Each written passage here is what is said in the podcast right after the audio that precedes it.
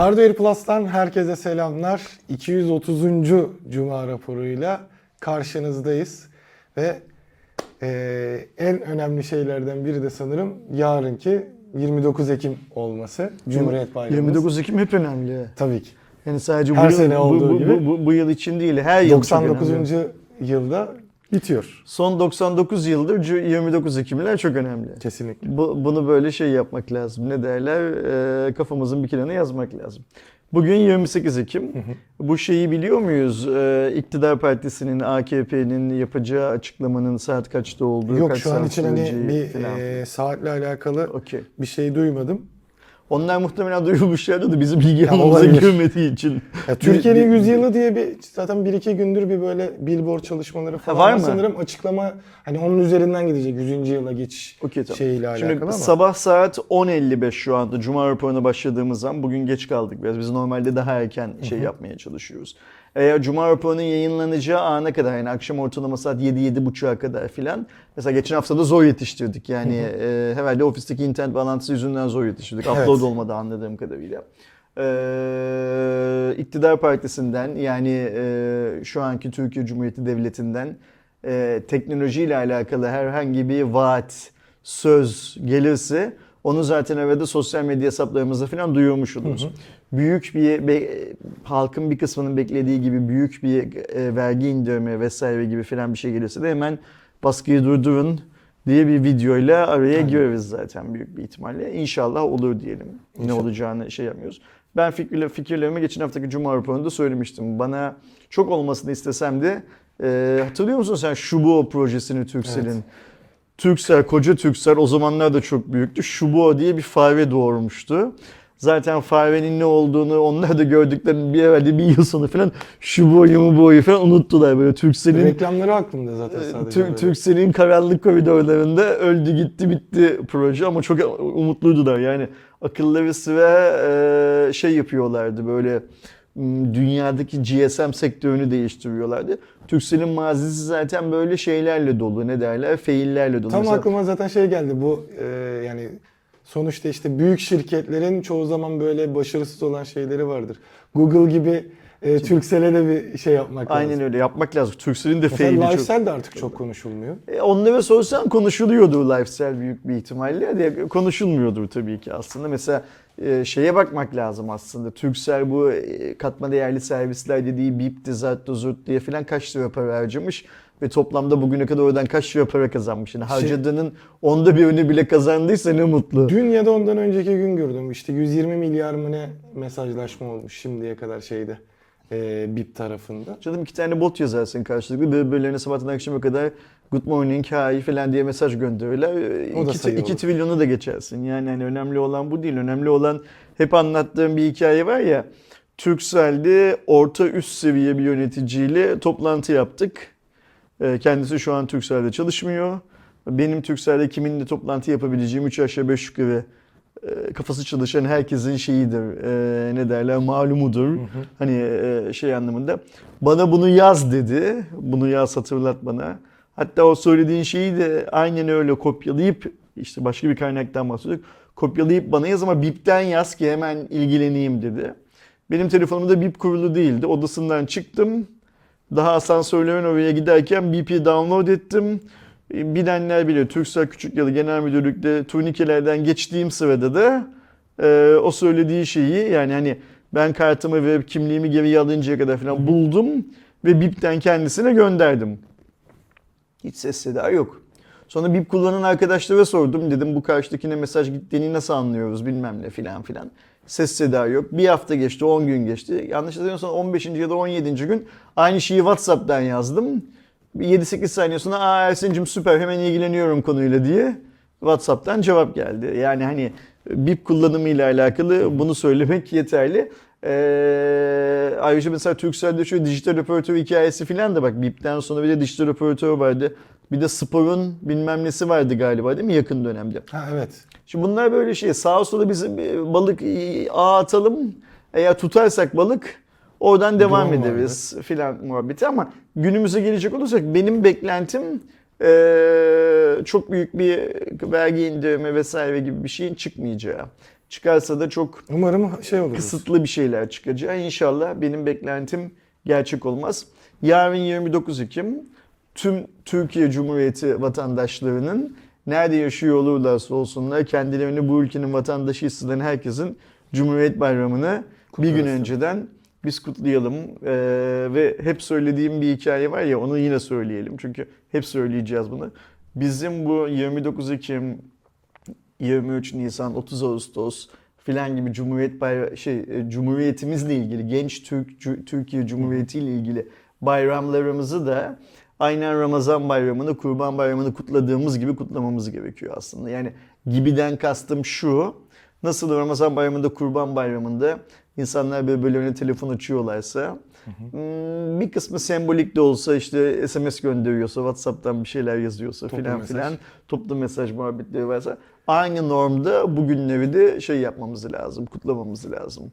Ee, çünkü e, vatan bilinci, daha doğrusu bir millet olma bilinci ve bu milletin nerelerden çıkıp nerelere geldiğinin anlaşılabilmesi için bunlar çok büyük katalizörler. Ee, farkında mısın böyle e, Cumhuriyetle ilgili kutladığımız her bayram öncesinde Türkiye'de başka hikayeler böyle bir köpürtülüyor. Mesela son zamanlarda da Arapça niye bırakıldı, alfabede Türkçe'ye niye geçildi filan gibi dertlerimiz var. Neymiş efendim? Ee, bir millet bir günde bir gecede cahil bırakılmış değil mi? Yani kabataslak söylem bu. En şeyi yaygını. En yaygını ve en masumu değil mi? Şey yani en eee suya sabuna dokunmayanı akılları sıra.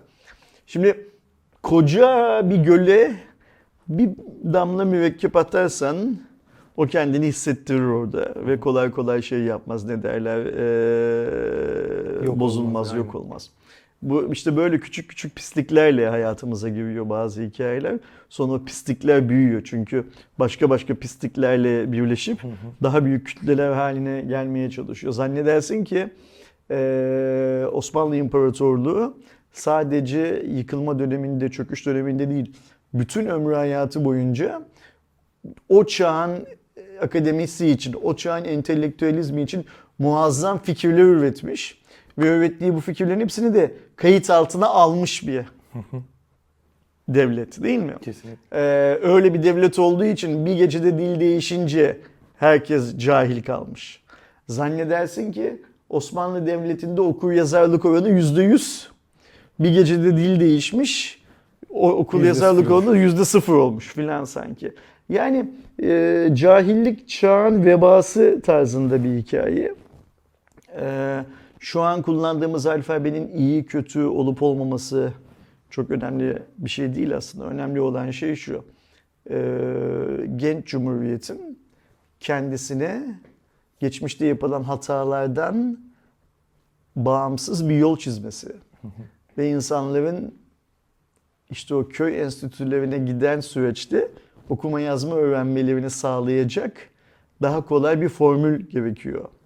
Ve işte adamcağız gerçekten oturuyor bir gecede bu şimdi o birilerinin bizi cahil bıraktı dediği alfabeyi yapıyor değil mi? Hatta dünyada örneği olmayan işte o noktalı şeyleri ş, yumuşak g, i, e, ç filan gibi Türk sesine uygun karakterleri ortaya çıkartıyor. Ee, ama bir bazı andavallar kalkıp diyorlar ki bir gecede şey kaldık, ee, cahil kaldık. Çok güzel. Sen zaten cahildin. Yani sen sadece sen değil, senin baban da, onun babası da, onun babası da cahildi zaten. Size cehaletten kurtulmak için bir fırsat verildi. Sen en nesil, yeni jenerasyon olarak o cehaletten kendini kurtardığını zannediyorsun ve e, neyin ne olduğunun farkında değilsin çok fazla. E, Yani e, şeye bakmak lazım Aydoğan mesela. Endeavor diye bir eğitim sistemimiz var ya. O zamanki nüfusun yüzde kaçı bu Endeavor'dan yararlanma imkanına sahipmiş? Bugünkü nüfusun yüzde kaçı e, genç Türkiye Cumhuriyeti'nin kurduğu okullarda okuma şansına sahip. Bu sadece üniversite yani Endeavor'un hani denki olan üniversite genel anlamda. Eğitim sistemimiz kötüdür. Hiçbir buna itiraz edemeyiz zaten. Eğitim sistemimiz kötü.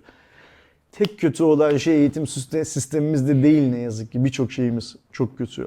Maalesef. kuruluş ilkelerinden çok uzaklaşmış bir e, cumhuriyet tarihi yazıyoruz ne yazık ki.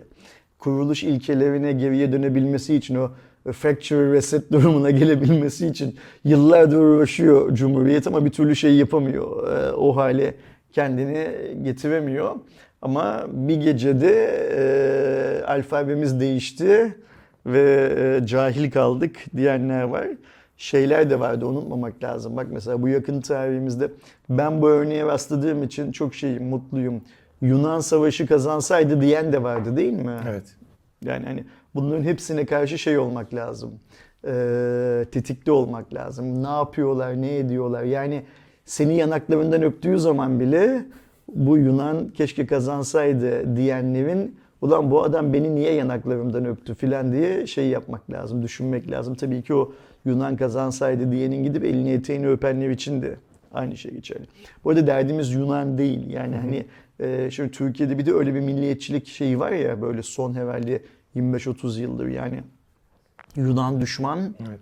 ama mesela Arap dosttu şimdi Arap da düşman oldu. Ee, Rus hep zaman hani Rus domuzuydu bilmem ne filan böyle. Türkiye'yi komşularından kopartan e, bir şeyi hatırlarsın herhalde değil mi? Es- şimdi eskisi kadar çok e, konuşulmuyor ama Türk'ün Türk'ten başka dostu Evet, yoktur. yoktu değil mi? Şey anlamında e, yani mesela benim okuduğum dönemde okullarda filan bu konuşulurdu şey anlamında. O yüzden Yunan o Yunan değil komşu, komşumuz olan Yunan değil. Yani burada hoca efendi bilmem ne filan gibi hitaplarda bulunulan bazı zavallıların keşke düşman kazansaydı hikayeleri var ve bu adamların bu söylemleri niçin şey yaptıklarını, e, söylediklerini özellikle de böyle 29 Ekim, 23 Nisan, 30 Ağustos filan gibi günlere yaklaşıldıkça niçin böyle bir anda hmm, birilerinin kalkıp genç Türkiye Cumhuriyeti'ne düşmanlık yaptığım, yapmaya başladığını çok net şey yapmak lazım İrdelemek lazım. anlamak lazım. İşte atıyorum Nisan'ın başında beklemek lazım bunları. Eylül'ün, Ekim'in başında beklemek lazım. Ağustos'un başında beklemek lazım. Çünkü çantadan hep böyle bir cumhuriyet düşmanlığı ya da laik Türkiye düşmanlığı, din ve devlet işlerinin birbirinden ayrıldığı Türkiye düşmanlığı mutlaka çıkacaktır. Nitekim yine çıktı. O yüzden 29 Ekim çok çok önemli. Herkesin 29 Ekim'i kutlu olsun. Yine çok güzel haberler şey yapmışsın. Aralarında benim özellikle konuşmak istediklerim var tabii her zaman olduğu gibi ama şu Redmi Note 12 seviyesiyle başlayalım.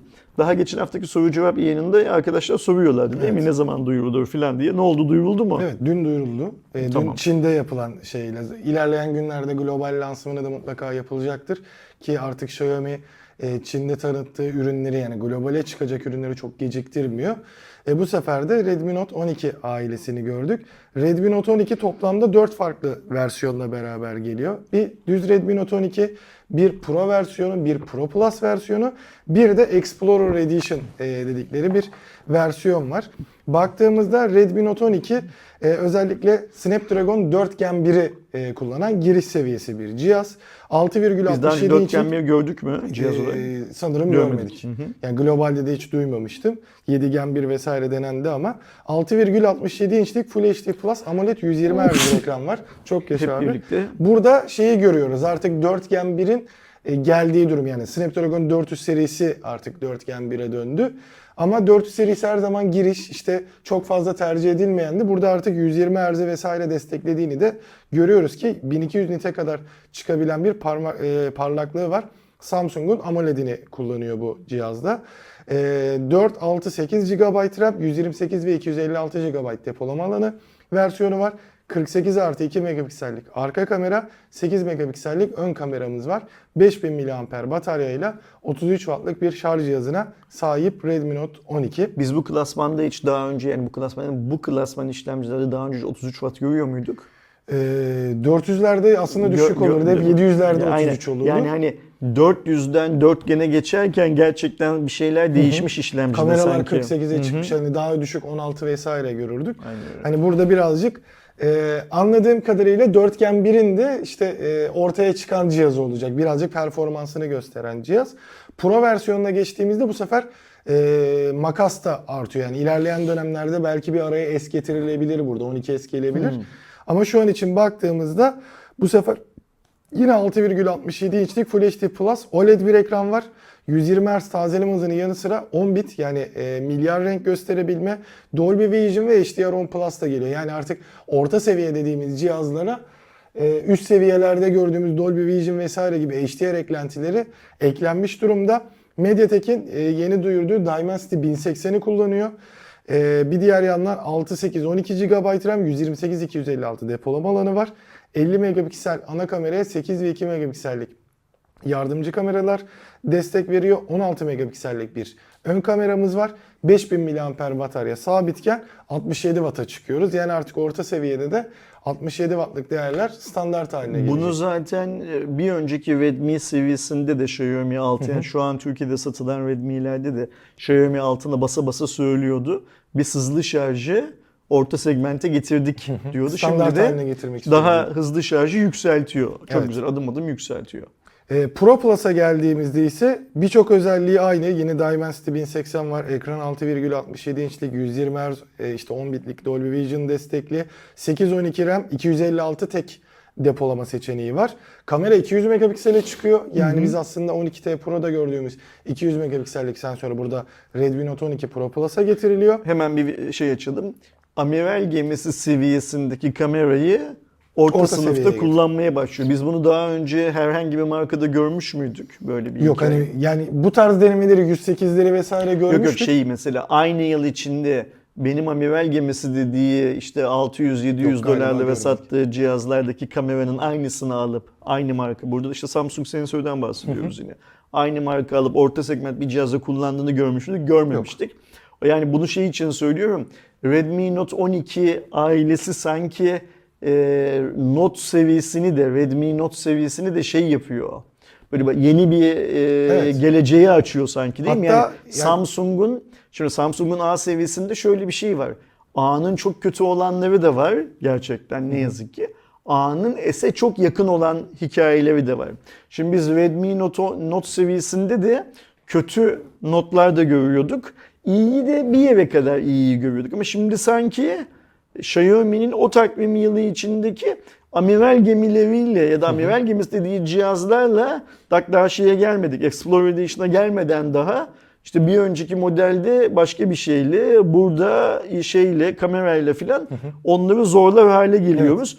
Buradan şeyi anlıyorum sanki iki- 2023 daha büyük bir Samsung Xiaomi e, savaşına şey yapacak hatta ne derler. şey Daha gibi yani. A sınıfıyla Redmi savaşına şahit olacak gibi sanki. Yani bir de şeyi görüyorum mesela işte dörtgen birden e, Dimensity 1080'e kadar çıkıyor.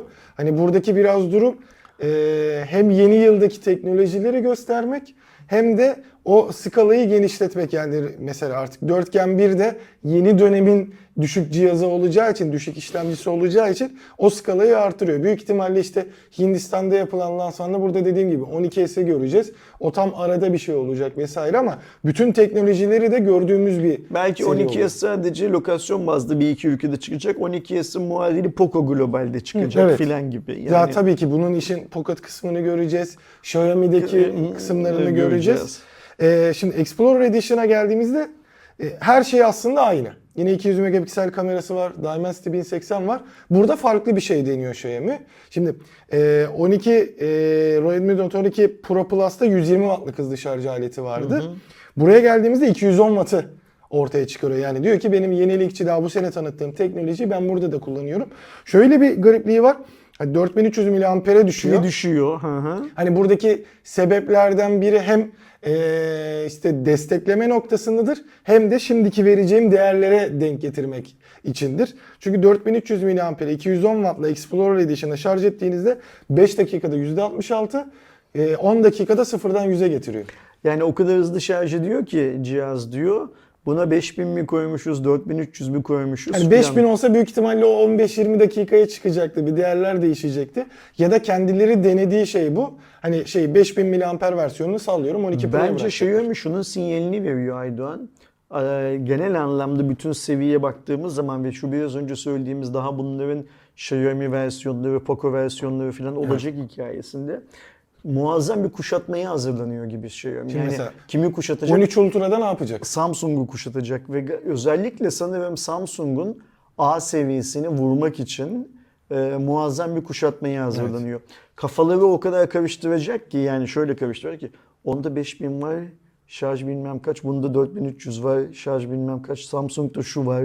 Onu o 5 dolar daha pahalı bu 10 Aynen. dolar daha ucuz bilmem ne filan filan gibi böyle bir şey ya- yaşatacak bence dünyanın her yerindeki Türkiye hariç dünyanın her yerindeki şeylerine Ya ne derler? Şey olarak e, baktığımızda e, çünkü şimdi hani tam bir yenilikçi cihaz aslında. Orada Explorer Edition'ı e, birazcık şey yapıyorlar böyle demo cihaz gibi gösteriyor. Çünkü bakıyorsun şimdi Dimensity 1080 var ilk kullanan cihazlardan biri. Hatta galiba bu seri ilk kullanan cihaz.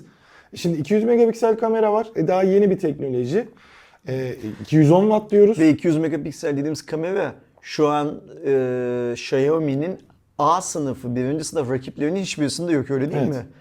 Yani 200 biz nerede gördük? Ofise gelenlerden bahsedelim. Lenovo'nun şey, Lenovo'da gördük, Motorola'sında. Motorola'sında gördük. Başka da herhangi bir yerde Globalde gö- de görmedik. başka Globalde de yok. Belki Çin'de bir Şimdi şey vardır. birden fazla modelde, Redmi modelinde Xiaomi tak tak tak 200'lük şeyleri koyuyor, kameraları koyuyor. Daha amiral gemiler çıkmadan orta seviyeye indirgemiş oluyor Aynen aslında öyle. bu teknolojiyi. Hani böyle bir yapısı var. İşte kuşatma, böyle Evet. ku- tam Yani kuşatma. Explorer Edition mesela tam böyle merak edilecek bir cihaz ve ama sadece şunun sinyalleri veriliyor. Eğer önümüzdeki sene işte Samsung'u, diğer markalar Oppo'su, Realme'si de daha yüksek wattlar açıklarsa ki e, geçen seneki CES Mobil Dünya Kongresi'ne baktığımızda e, Oppo ve grubu da buna yani BBK grubu da hızlı şarja odaklanıyor. Pil tarafındaki çözümlerin daha uzun gitmekten ziyade daha hızlı doldurarak onu kapatmak gibi. Çünkü şimdi 4300 mAh günümüz standartlarında düşük kalabilir. Sen gün içerisinde şarjın bitti vesaire dediğinde hani taktığın anda 5 dakikada toparlayacak kendini böyle bir e, döneme geçiyorlar. E, bu cihazlar da bu arada 3 Kasım'da hemen önümüzdeki hafta Çin'de satışa çıkıyor. Büyük ihtimalle şeyleri duyarız işte satış rekoru Tabii onu söyleyecektim. Hem onu diyoruz hem de 3 Kasım'da Çin'de çıktığına göre biz bunları çok kısa bir zamanda Avrupa'da, Avrupa lansmanlarının da yapıldığını duyuyoruz. Yani herhalde de. Türkiye'ye aralığın 15'i 20'si falan olmadan bu cihazlar gelmiş olur diye Sene tahmin başında da direkt Poco'larını görürüz diye tahmin ediyorum. Yani Poco'lar da büyük ihtimalle Aralık ayında falan e, şeyde Hindistan'da tanıtılır. E, Ocak ayından itibaren globalde böyle gerçekten hani daha işte Samsung A20 e, 4 oluyor galiba yeni seri ya da A, işte X4 serisi ortaya çıkmadan e, Xiaomi yani birçok şeyiyle şey yapmış olacak ve Samsung'u burada birazcık da kıstırıyor olabilir. Yani Samsung'un sunacağı çözümler de önemli ki e, şöyle bir durum var. Sadece ona bir parantez de söylemek lazım. 12T Pro'da olan, e, Lenovo'da olan ve burada Redmi Note 12 ailesinde gördüğümüz 200 megapikselle Samsung'un e, S23 Ultra'sında göreceğimiz 200 megapiksel arasında da bir fark var. Çünkü e, Samsung'un kendi kamera çözümleri e, sitesine girip baktığınızda, ISOCELL'in sitesine girdiğinizde e, iki farklı şey görüyoruz 200 megapiksel. Biri daha e, düşük özellikli diyelim. Diğeri birazcık daha işte premium oynayan. O farkı da görmemizi sağlayacak. Yani biz elimizde 12T Pro ile S23 Ultra'yı aldığımızda o 200 ya megapiksel da Redmi Note Ha, tabii. e, şey o zaman o büyük ihtimalle Türkiye'ye gelmiş olur. Umarım Explorer Edition da e, Türkiye'ye az da olsa gelir ki şeyi görürüz hani. O teknolojileri görüp yaşamış Ben oluruz. ilk kez yani ilk kez dedim çok uzun zamandan beri ilk kez yeni bir telefon seviyesinin lansmanını izlerken e, ki bu lansman Çince olduğu için izlemenin bir mantığı yok aslında. Ama lansman sonrasındaki cihazların özelliklerine bakarken heyecanlandım. Redmi Note 8 çok iyi bir aileydi. E, adet olarak, aile ferdi olarak tabii ki çok azdı. Ben Redmi Note 9 lansmanının Türkiye'de yapıldığını hatırlıyorum. Redmi Note 9 Türkiye'de galiba Xiaomi'nin yaptığı ilk lansmandı yanlış hatırlamıyorsam. Büyük ihtimalle evet. Ee, Xiaomi Türkiye olarak Jason, gel, şey, Jason gelmişti değil mi buraya? Şeyde, Dada'da. Ee, Şeyde. Ee, yok Dada'da değildi. Sa- Sabancı Müzesi'ndeydi. Sa- Öyle miydi? Sa- Sabancı Müzesi'ndeydi. İstinye şeydi. Ha, şey 9T serisini gördük biz şeyde. Okey. Tamam. Ee, şimdi geriye dönüp baktığım zaman şunu fark ediyorum. Redmi Note seviyesi 8'den sonra işte o 9'la da bir heyecan yarattı. Ama 10, 11 e, çok bekleneni veremedi insanlara. E, sanki 12 seviyesi sadece Türkiye'de değil tüm dünyada insanlara tekrar Redmi Note seviyesini Evet. şey yapacak gibi, hatırlatacak gibi. Ee, o yüzden de işte ben önümüzdeki yılın çok keyifli şey yapacağını, geçeceğini zannet düşünüyorum. Yani düşünsene bak şimdi daha cihazlar elimize gelmeden Samsung'un o 200'lüğü ile bu 200'lüğü arasındaki fark. Samsung'un orada kullanacağı şarj teknolojisiyle burada kullanılan şarj teknolojisi bilmem ne filan filan gibi şeyleri konuşmaya başladık. Daha bunun detaylarına geçecek gece çekimleri sonra eee Xiaomi'nin bu yeni Redmi Note 12'lerde e, kamera yazılımını nasıl ne kadar geliştirdiği bilmem ne yaptığı falan. O kadar çok konuşulacak malzeme var ve bana Dynasty sanki şey 1080 gibi geliyor. Ee, hani ben hep şey diyorum ya böyle kendi aramızda konuşurken. Ya artık bu yaptığım işten eskisi kadar çok keyif almıyorum bilmem ne falan diyorum ya. Ee, ben ve benim gibi olan birçok insanı sanki Redmi Note 12 ailesi tekrar oyunun içine çekecek gibi. Yani o nasılmış bu nasılmış bilmem ne filan filan diye sanki tekrar böyle bir e, merak uyandıracak gibi görünüyor. Kesinlikle. Hiç beklediğim bir gelişme değildi açıkça söylemek gerekirse. Yani şöyle beklediğim bir gelişme değildi. Farkındaysanız ben hep şeyi söylüyorum. Geldik geldik işte pil sınırına takıldık. Bu engeli aşamadığımız sürece yeni herhangi bir şey göremeyeceğiz, göremiyoruz. Yok ortalıkta filan diyordum. İşte ortalığa bir şey çıkıyor. E şimdi bunu sadece Xiaomi düşünmüş olmaz. Şunu unutmamak lazım. Bu markalar birbirlerinin ne yaptıklarını çok çok iyi takip ediyorlar. Çünkü bir kere işlemci siparişlerinden şundan bundan takip ediyorlar neyin ne olduğunu. Zaten işlemci üreticileri de ortada kızıştırıyor. Onu da unutmamak. O yüzden buna tüm markaların vereceği cevaplar önemli. Biz hep Samsung'dan konuşuyoruz da bir de Realme var. Tabii. Ya bir de Türkiye'deki varlığını şey yapabiliriz, tartışabiliriz ama genel anlamda bir de Realme var. O yüzden çok güzel bir şeye giriyoruz sanki, döneme giriyoruz sanki. Yani e, şey de önemli. E, Xiaomi gitgide e, Mediatek'le olan ilişkisini de çok daha geliştirmeye başlıyor. Yani biz burada mesela şu an saydıklarımda Redmi Note 10'daki dörtgen bir dışında hep 1080 görüyoruz. Hani Snapdragon yok. E, son dönemde işte mesela Dynasty'nin 9200'ünün Antutu testleri ortaya çıktı. Direkt en yükseğe oturdu şu anda. 9100 Ultra zaten Antutu'nun sitesine girip baktığınızda geçtiğimiz günlerde onun videosunu da yapmıştım.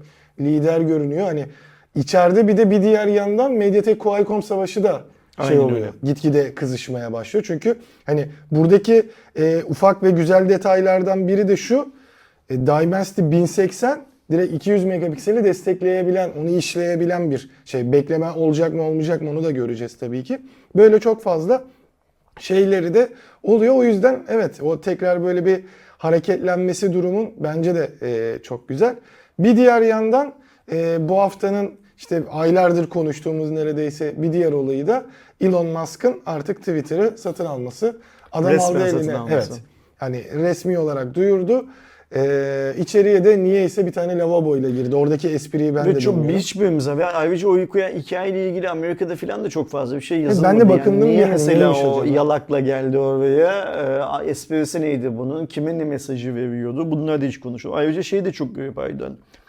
Ee, bu lavaboyla Twitter girişinden, giriş yaptıktan 12 saat sonra satın aldığını açıkladı. Ee, 12 saatlik bir toplantı olmadığını herkes biliyor. Elon Musk'ın o kadar uzun süre e, genel merkezde kalmadığını herkes biliyor. Ee, niye mesela o kadar uzun sürdü Musk'ın evet ben Twitter'ı aldım açıklamasını yapması?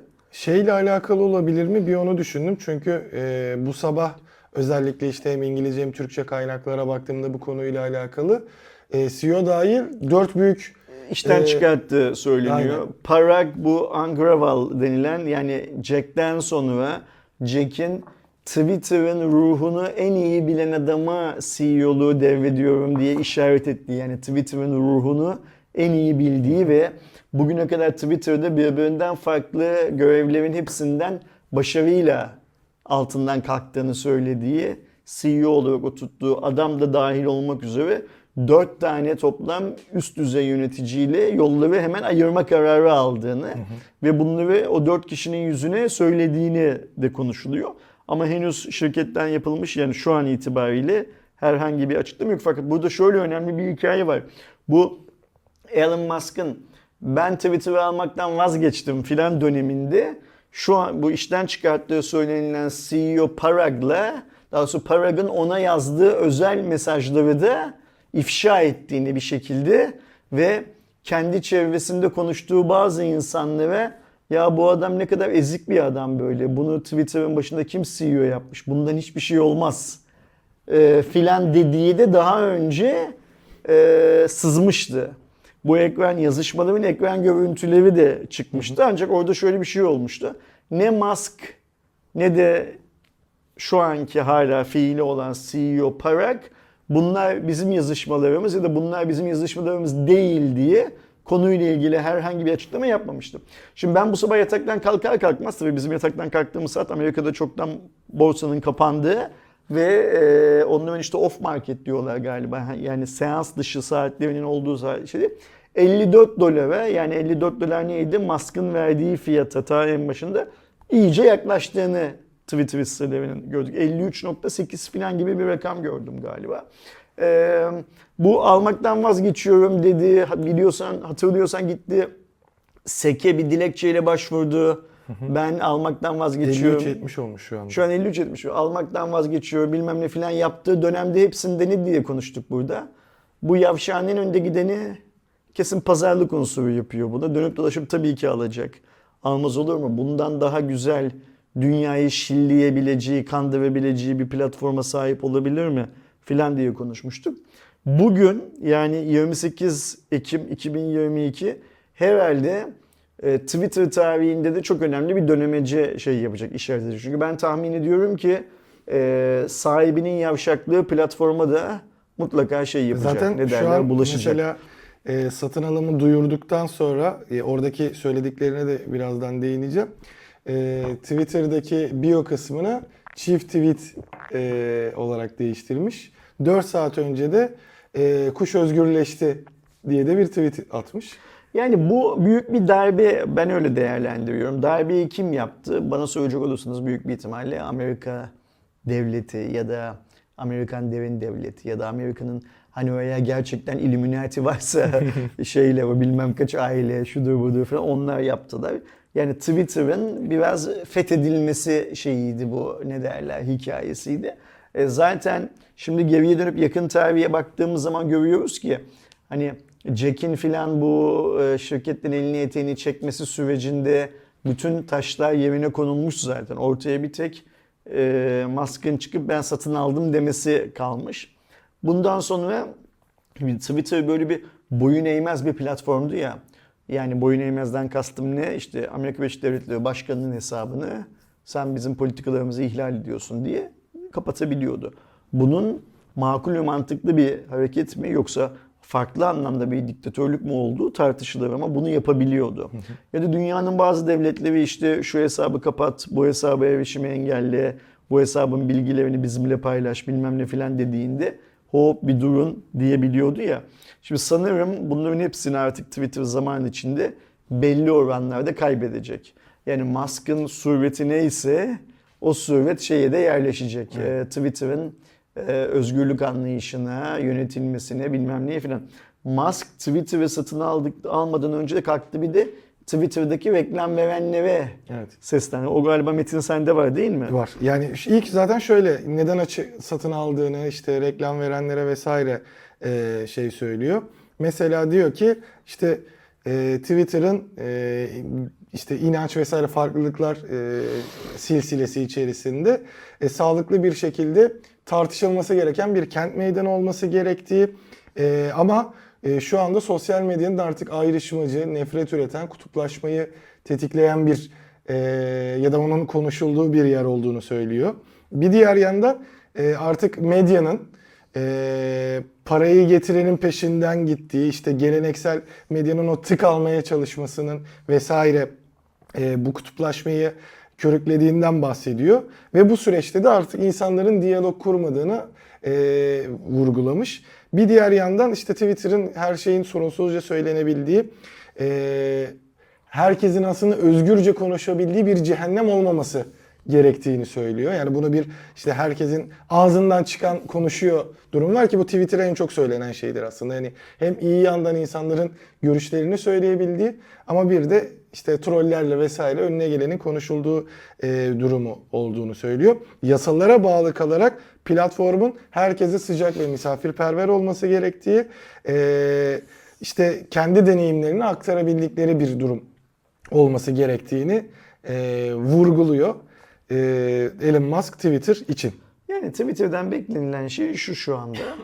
Devletlerle daha içi dışlı, devletlerin kurallarına daha çok şey yapan, ne derler, e, kulak asan, umursayan ve devletlerden gelen, şirketlerden gelen talepleri yerine getirmek için daha fazla e, çabalayan bir hale bürüneceği varsayılıyor Twitter'ın. Yani şeyi hatırlayan arkadaşlarımız vardır belki. Hive limiti çoğaltılırken bile kaç yıl uğraştı adamlar. Çünkü hep şey dediler. Biz Facebook gibi olmak istemiyoruz. Biz Facebook gibi olmak istemiyoruz dediler ya. Ve yine 140 karakter belki birçok insana kısa geliyor. Ama 140 karakterin bile daha altında bir limitle başlıyor. Çok küçük değişikliklere bile izin vermediler. Ayrıca e, kronolojik sırayla bakacak olursak benim bildiğim kadarıyla Twitter bugün rekabet ettiği sosyal medya platformlarının hepsinden daha eski. Ama hiçbir zaman Twitter dünyanın en popüler, en çok para kazandıran, en çok konuşulan sosyal medya platformu olmadı. Bu bir ara Facebook oldu, sonra Snapchat diye bir şey geldi, Instagram oldu, Instagram TikTok Story oldu. ve TikTok şu anda filan filan. Twitter hep kararlı bir şekilde ikinci, üçüncü platform oldu. Kullanıcı sayısında da bu böyle oldu.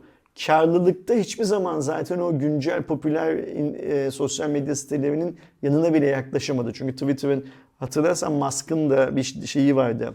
Daha çok para kazanması lazım ki diyordu Twitter için daha özgür olsun filan diye böyle bir geyiği vardı. Ee, şimdi geldiğimiz noktada zannediyorum ki Twitter daha çok para kazanmak için her taklayı atar, Evet, zaten- at- atan bir platform haline gelecek. Ee, dediğin gibi şeyin e, Musk'ın işte reklam verenlere ve reklam stratejisi hakkındaki söylediklerine baktığımızda e, demiş ki reklam doğru yapıldığı zaman gayet eğlenceli ve işte hedefine ulaşan bir e, sistemdir.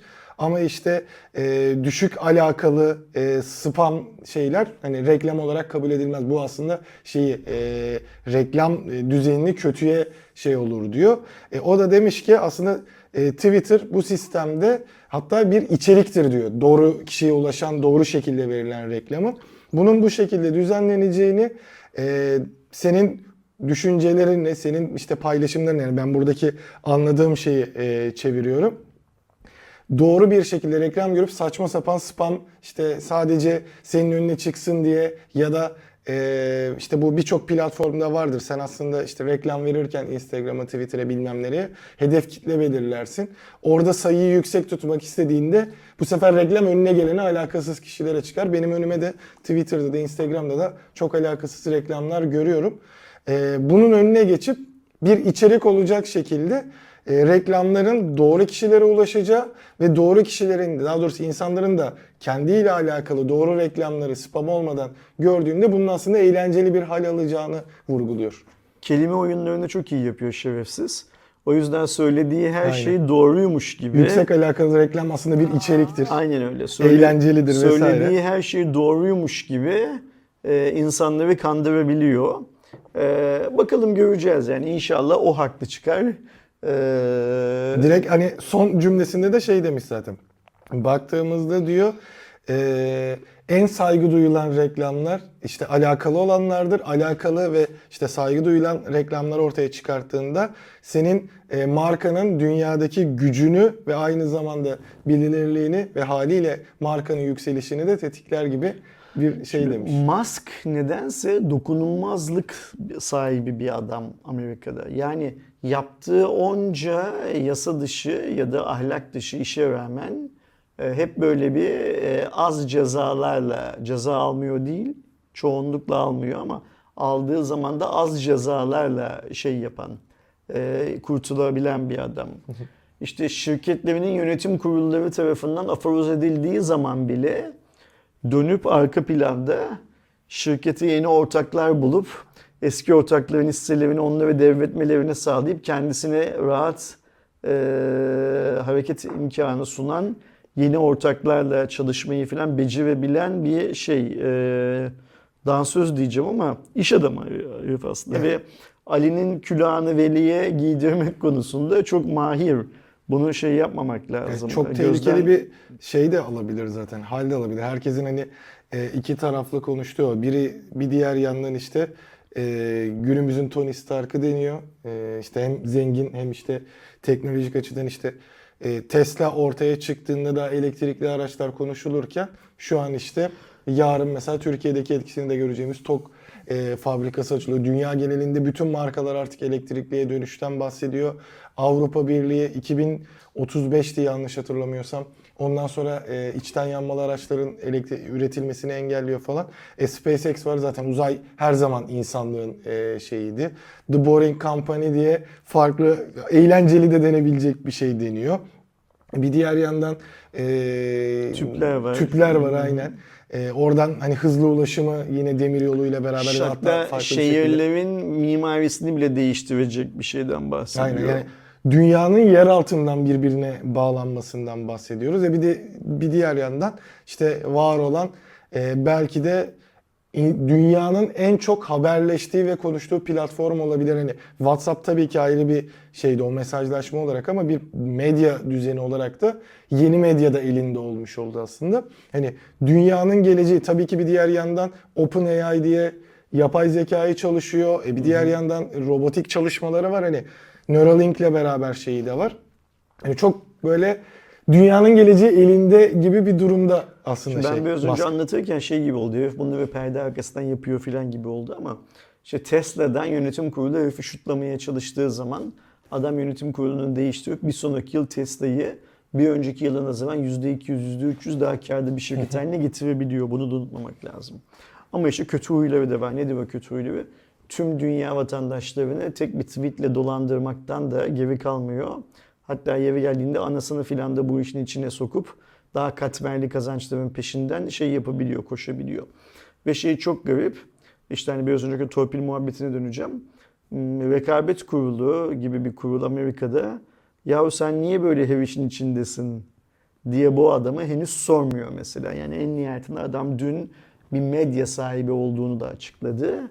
Ve hala e, Amerika'daki rekabet kurulu o regülasyonlarını, rekabet regülasyonlarını yapan şirketlerden tık yok. Aslında aylar önce alıyorum, almaya niyetliyim dediği zaman filan e, bazı şeylerin konuşuluyor olması lazımdı. Yani bir şekilde herif korunuyor. Aynen senin söylediğin gibi modern çağın Robin Hood'u gibi, Tony Stark'ı gibi sanki ilahi bir karakteri büründürülmeye çalışıyor. Ben de o yüzden sık sık Mesih, çakma Mesih diye şey yapıyorum. E, isimlendirmeye çalışıyorum arkadaşı.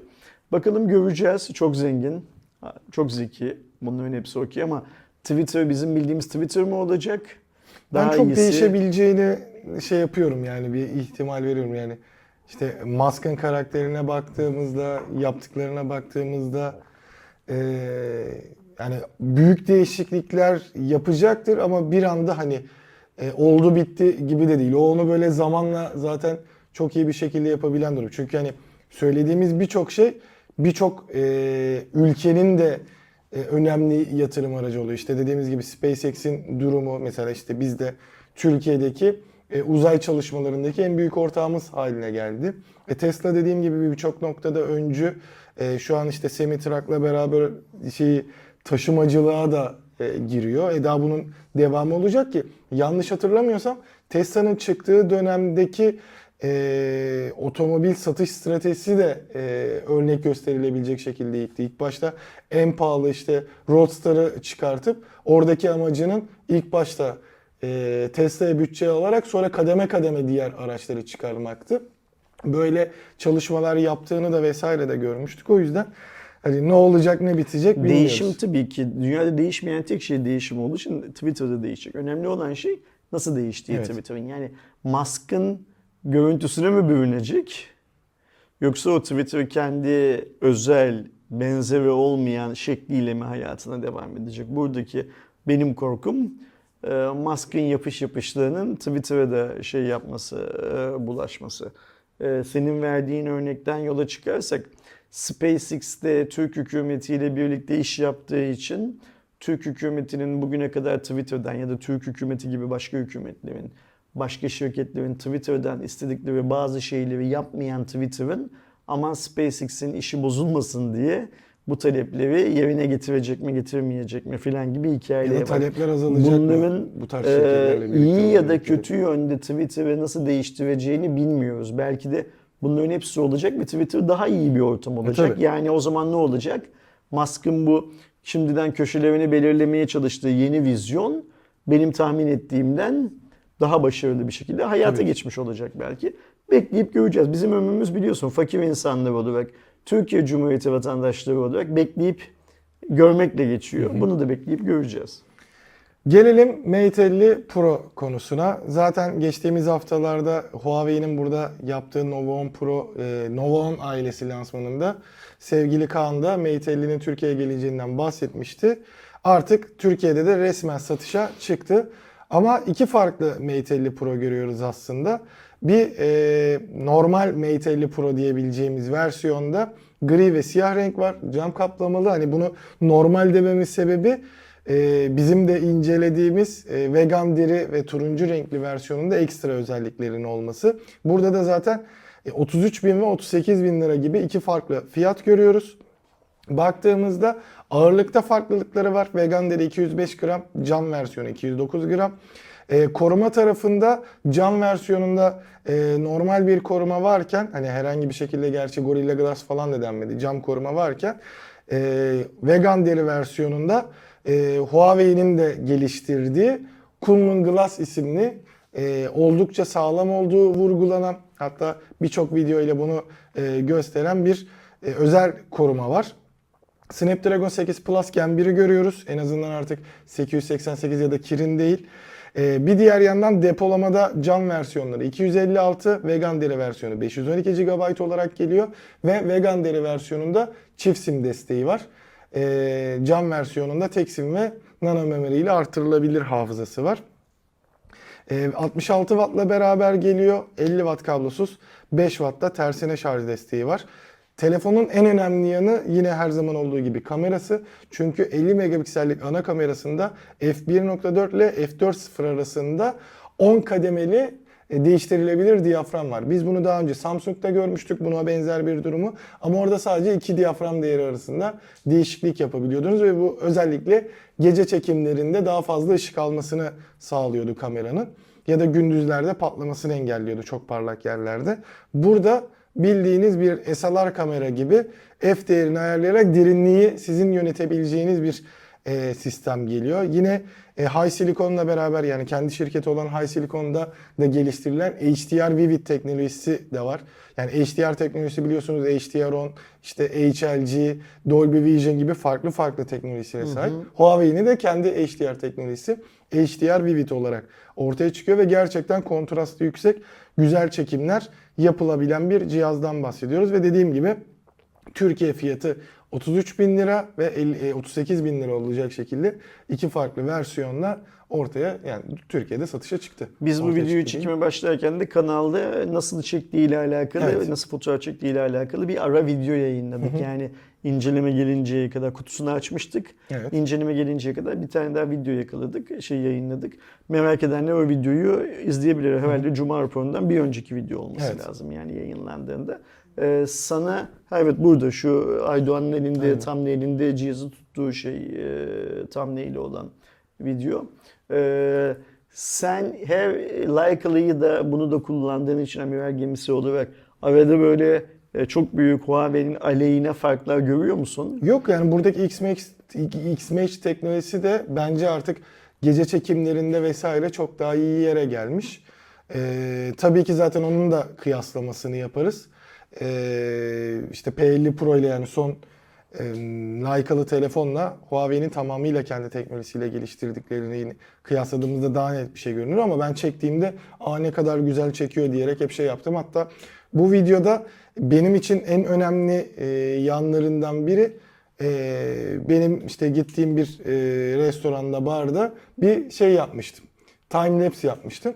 Timelapse'lerin de yani şimdi şimdiye kadar hangi cihazla çekerseniz çekin çok daha fazla ışık isteyen ve grenlenmeyi görebildiğiniz bir şeydir. Ben orada tabii ki dik çektim ama onu da yerleştirmek istedim. Çünkü gren yok.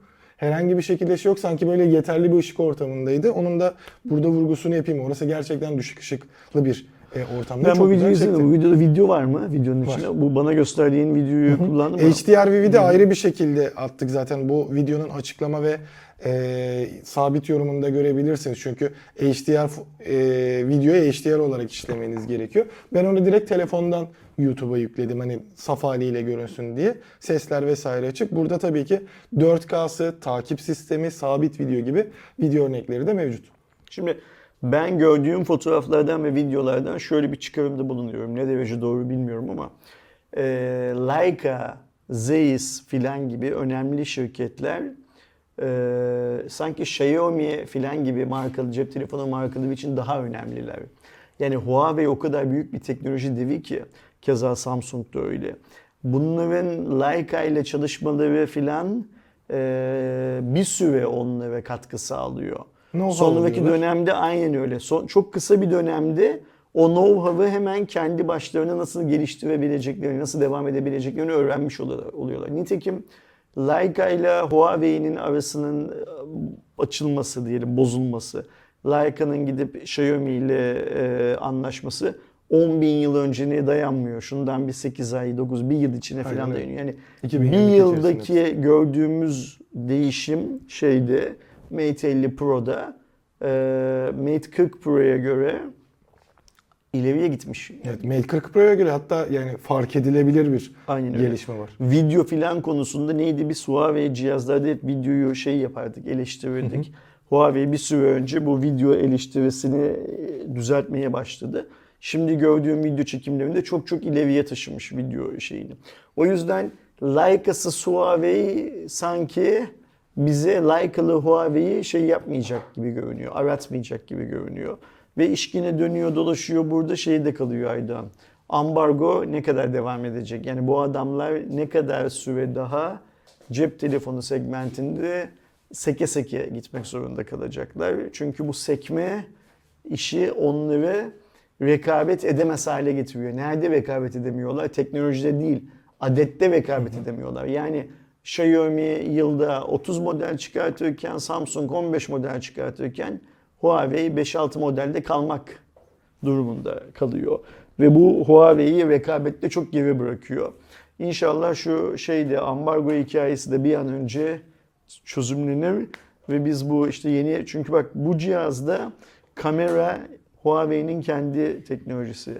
O bizim hep Gorilla Glass dediğimiz ekran koruyucusu Huawei'nin kendi teknolojisi. Yani Harman'la çalışıyordu artık Huawei sandılar. Aynen öyle. E, Harman'la olan yani Samsung'la olan şeyi bitirip anlaşma bitirip kendi sesi şeyini geliştiriyor falan. Yani Huawei boş durmuyor. Yapıyor bir şeyler. Bu yaptığı şeylerin de karşımıza daha sağlam bir bütün olarak çıkması için ihtiyacı olan tek şey işlemci aslında şu anda. O işlemciye sahip olduğu zaman bakalım ne göreceğiz. Çok merak ed- ediyorum. Ya Kirin'in tekrar geri gelmesiyle şu an zaten hani mesela 8 Plus Gen 1'i kullanıyor olması yine aslında Huawei'nin bir diğer yandan gücünü de gösteriyor. Çünkü hani e, 8 Plus Gen 1'in 4G modüllüsü haliyle Qualcomm tarafından Huawei'ye özel olarak Özel üretiliyor. e, üretiliyor. Buradaki 5G durumundan Ve dolayı. büyük bir ihtimalle pahalıya da geliyor Huawei'ye. Yani Aynen. standart bir markanın aldığından daha pahalıya, daha eksik ve daha pahalıya geliyor. Yani o o ihtimal de yüksek. Ee, ben mesela hani şeyde Redmi Note 12'de şey konuşmuştuk ya biraz böyle hani e, dikkatimi çekiyor, heyecanlandırmaya başlıyor diye. Benim de bu son dönemdeki birçok e, farklı cihazda merak edip kullandığım oldu. Ama e, Mate 50 Pro için e, işte yakın zamanda incelemesi de gelir. E, düşündüğüm şey şu oldu. E, ben Mate 50 Pro'yu böyle bir e, uzun süre kullanıp bu sefer net bir şekilde deneyimi aktarmak isterim. Yani o heyecanı bana hem rengiyle hem şeyiyle vesaire tak, kattı. Hem tabii e, şeyde de e, söyledim kutu açılışında da rengi benim gibi bir McLaren fanına da işte papaya turuncusu vesaire diyerek hoşuma gidebilecek bir durumu var. O açıdan ama şeydi yani dışarıda da mesela kullandığımda metrobüste, otobüste falan telefonu görenlerin bir şöyle dönüp baktığını net bir şekilde hissettim. Tabii o birazcık da rengiyle alakalı. Ben seven taraftayım. Eleştiren de çok oldu. Ama dediğim gibi ilerleyen dönemlerde e, bir e, uzun bir deneyim bizim haftalar sonra e, videosuyla da bir içerik e, üretiriz mutlaka diyelim. Gelelim Türkiye'deki e, sosyal medya sistemine. Rekabet Kurumu Meta'ya tam olarak 346 milyon 717 bin 193 TL 40 kuruşluk bir idari para cezası verdi. E, tam açıklamasında da Meta Platforms eski adıyla Facebook e, WhatsApp LLC ile Madoka Turkey Bileşim Hizmetleri Limited şirketinin 4054 sayılı rekabetin korunması hakkındaki kanunun 6. maddesini ihlal ettiklerine iddiasına yönelik soruşturmanın tamamlandığı, Facebook, Instagram ve WhatsApp hizmet- hizmetlerinin topladığı verileri birleştirmek suretiyle kişisel amaçlı sosyal ağ hizmetlerini ve çevrim içi görüntülü reklamcılık pazarında faaliyet gösteren rakiplerinin faaliyetlerini zorlaştırmak ve pazara giriş engeli yaratmak suretiyle rekabetin bozmasına yol açtığına e, karar vermişler. Yani aslında e, bunu biraz daha basitçe anlatmak gerekirse Meta elinde olan Facebook, Instagram ve WhatsApp'ın e, verilerini toplu halde işleyerek bir reklamcılık Yani stratejisi uyguladı. Facebook'taki Ersin Akman, e, Instagram'daki Akman Ersin ve WhatsApp'taki işte sıfır bilmem kaç numaralı telefon numarasının aynı kişiye ait olduğunu anlayıp Reklamı da ona göre yönlendirdi. reklamı, bu adamın kendi sunucularındaki sınıflandırılma derecesini, e, bu adama hangi içeriği gösterip hangi içeriği göstermeyeceğini filan filan birlikte karar verdiği ve buradan yola çıkarak da pazara yeni giriş yapacak olan şirketlerin işini zorlaştırdığı için rekabet kurumu Meta'ya ceza vermiş ve büyük bir ceza bu. Evet, Şey- 18 milyon dolara denk geliyor. 18,5 milyon dolar. Büyük bir ceza bu. Meta'nın da bir cevabı Evet. var cezaya kestikten Hemen bir sonra. bülten e, geldi Meta'dan da tek cümlelik. Ha, iki cümlelik diyelim hatta. E, rekabet kurumunun tespitlerine katılmıyoruz. Kullanıcılarımızın gizliliğini koruyor ve insanlara kendi verileri üzerinde kontrol sahibi olma hakkı ve şeffaflık sunuyoruz. Konu hakkında tüm seçeneklerimizi değerlendireceğiz demişler. Şimdi bunu çok dikkatli irdelemek lazım bu üç cümlelik açıklamaya. Şimdi diyor ki rekabet kurumunun verdiği karar ve doğru olmadığını düşünüyoruz diyor. Biz sahip olduğumuz kullanıcı verilerini çaldırmıyoruz, başkalarıyla paylaşmıyoruz.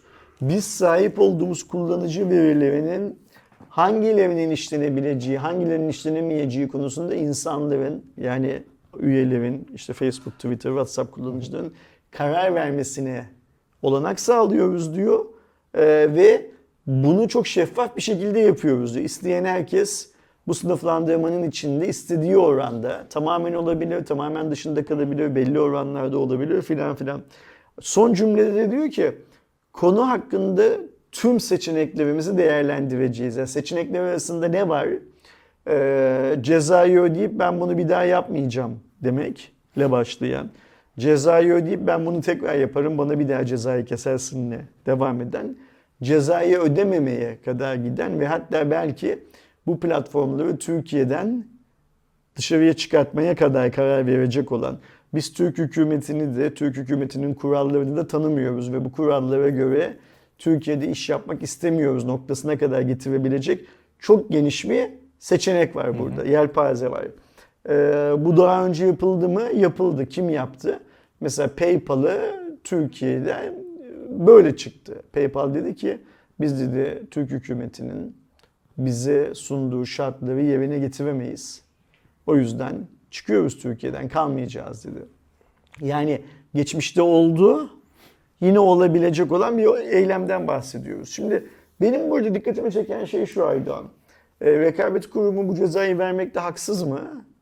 Rekabet kurumu aman Facebook'a bir ceza verelim. Bir de bir cezamız da Facebook'ta olsun falan diye davranacak bir kurum değil. Ben rekabet kurumunu da işin içine katarak sadece işin şu tarafındayım. Şimdi biz benim bildiğim kadarıyla rekabet kurumu aracılığıyla, kurulu aracılığıyla şimdi Facebook'a, geçmişte Google'a, BTK aracılığıyla da tüm sosyal medya platformlarına yani Twitter'a, Instagram'a filan filan yakın geçmişte şundan bir yıl, bir buçuk yıl içerisinde tonla ceza kestik. Ve benim bildiğim kadarıyla bu cezaların hiçbirisi tahsil edilmedi henüz.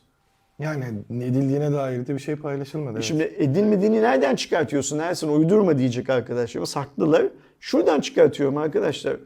Web sitelerine, Rekabet Kurumu'nun ve BTK'nın web sitelerine girip ceza duyurularına baktığım zaman o ceza duyurularının bulunduğu section'da, bölümde o cezalardan bir süre sonra şu ceza tahsil edildi, bu ceza tebliğ edildi. Bak tahsili bırak, tebliğ edildiğine dair de herhangi bir bilgimiz yok e, gibi bilgiler yok. Ya da bu ceza kayıtlarının altına işte cezayı şu gün verdik, duyurduk.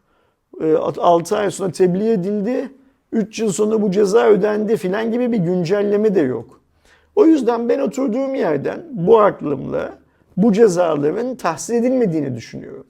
Nitekim ben bir önceki yani şu rekabet kurumunun Google'a kestiği o büyük bir ceza vardı ya arama çubuğu yüzünden. O cezanın ödenip ödenmediğini Google tarafına sorduğumda çünkü şundan çok yakın bir zamanda bir, bir ay önce falan sordu dediler ki hayır ödemedik. Çünkü biz o cezanın iptali için şey yaptık. Başvuruda Başvurduk. bulunduk. Ee, o yüzden bu cezalar aslında çok da fazla sanki bir şey ifade etmiyor. Şirketler bu cezaları ödemedikleri sürece ya da iş karşılıklı görüşmelere gelip bu cezalar onda bir oranında filan hafifletildiği zaman hiçbir şey olmuyor, hiçbir şey ifade Doğru. etmiyor. O yüzden ben e, Twitter'da da bunu böyle yorumladım. Cem abi paylaşmıştı. Normalde hani böyle son dakika haberlerini gelen basın bülteni diyor ki şu şöyle bu böyle filan diye ben paylaşıyorum. Ama Cem abi benden daha önce paylaşmıştı. Ben de Cem abinin bu işte Meta'nın yaptığı açıklamayı retweet ettim. Dedim ki Mark diyor ki Türkiye'den giderim. Ersin diyor ki bugüne kadar hangi cezalar ödendi ki bu ödensin. Biraz böyle iş teorik platformda kalıyor. Çünkü bence e, kamu otoritesi de bu cezaları tahsil etmeye kalkarsa bu şirketlerin Türkiye'de kalmayacağını ya da daha büyük sorunlarla karşılaşacağını biliyor.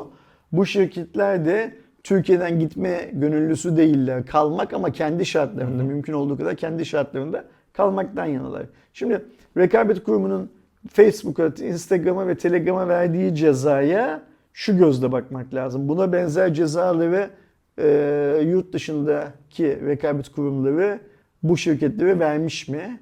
Evet ver- verilen ülkeler var. Oralarda ne olmuş? Oralarda bir uzlaşıya gidilmiş gördüğümüz kadarıyla çoğunlukla. Ve Facebook bazısında az bazısında çok cezalar ödeyerek ama hep ana cezadan indirilmiş cezaları ödeyerek yoluna devam etmiş. O zaman Türkiye'de de bunun olacağını varsaymak lazım. Ee, ancak kesinlikle bu söylediklerimden şu anlaşılmaması lazım.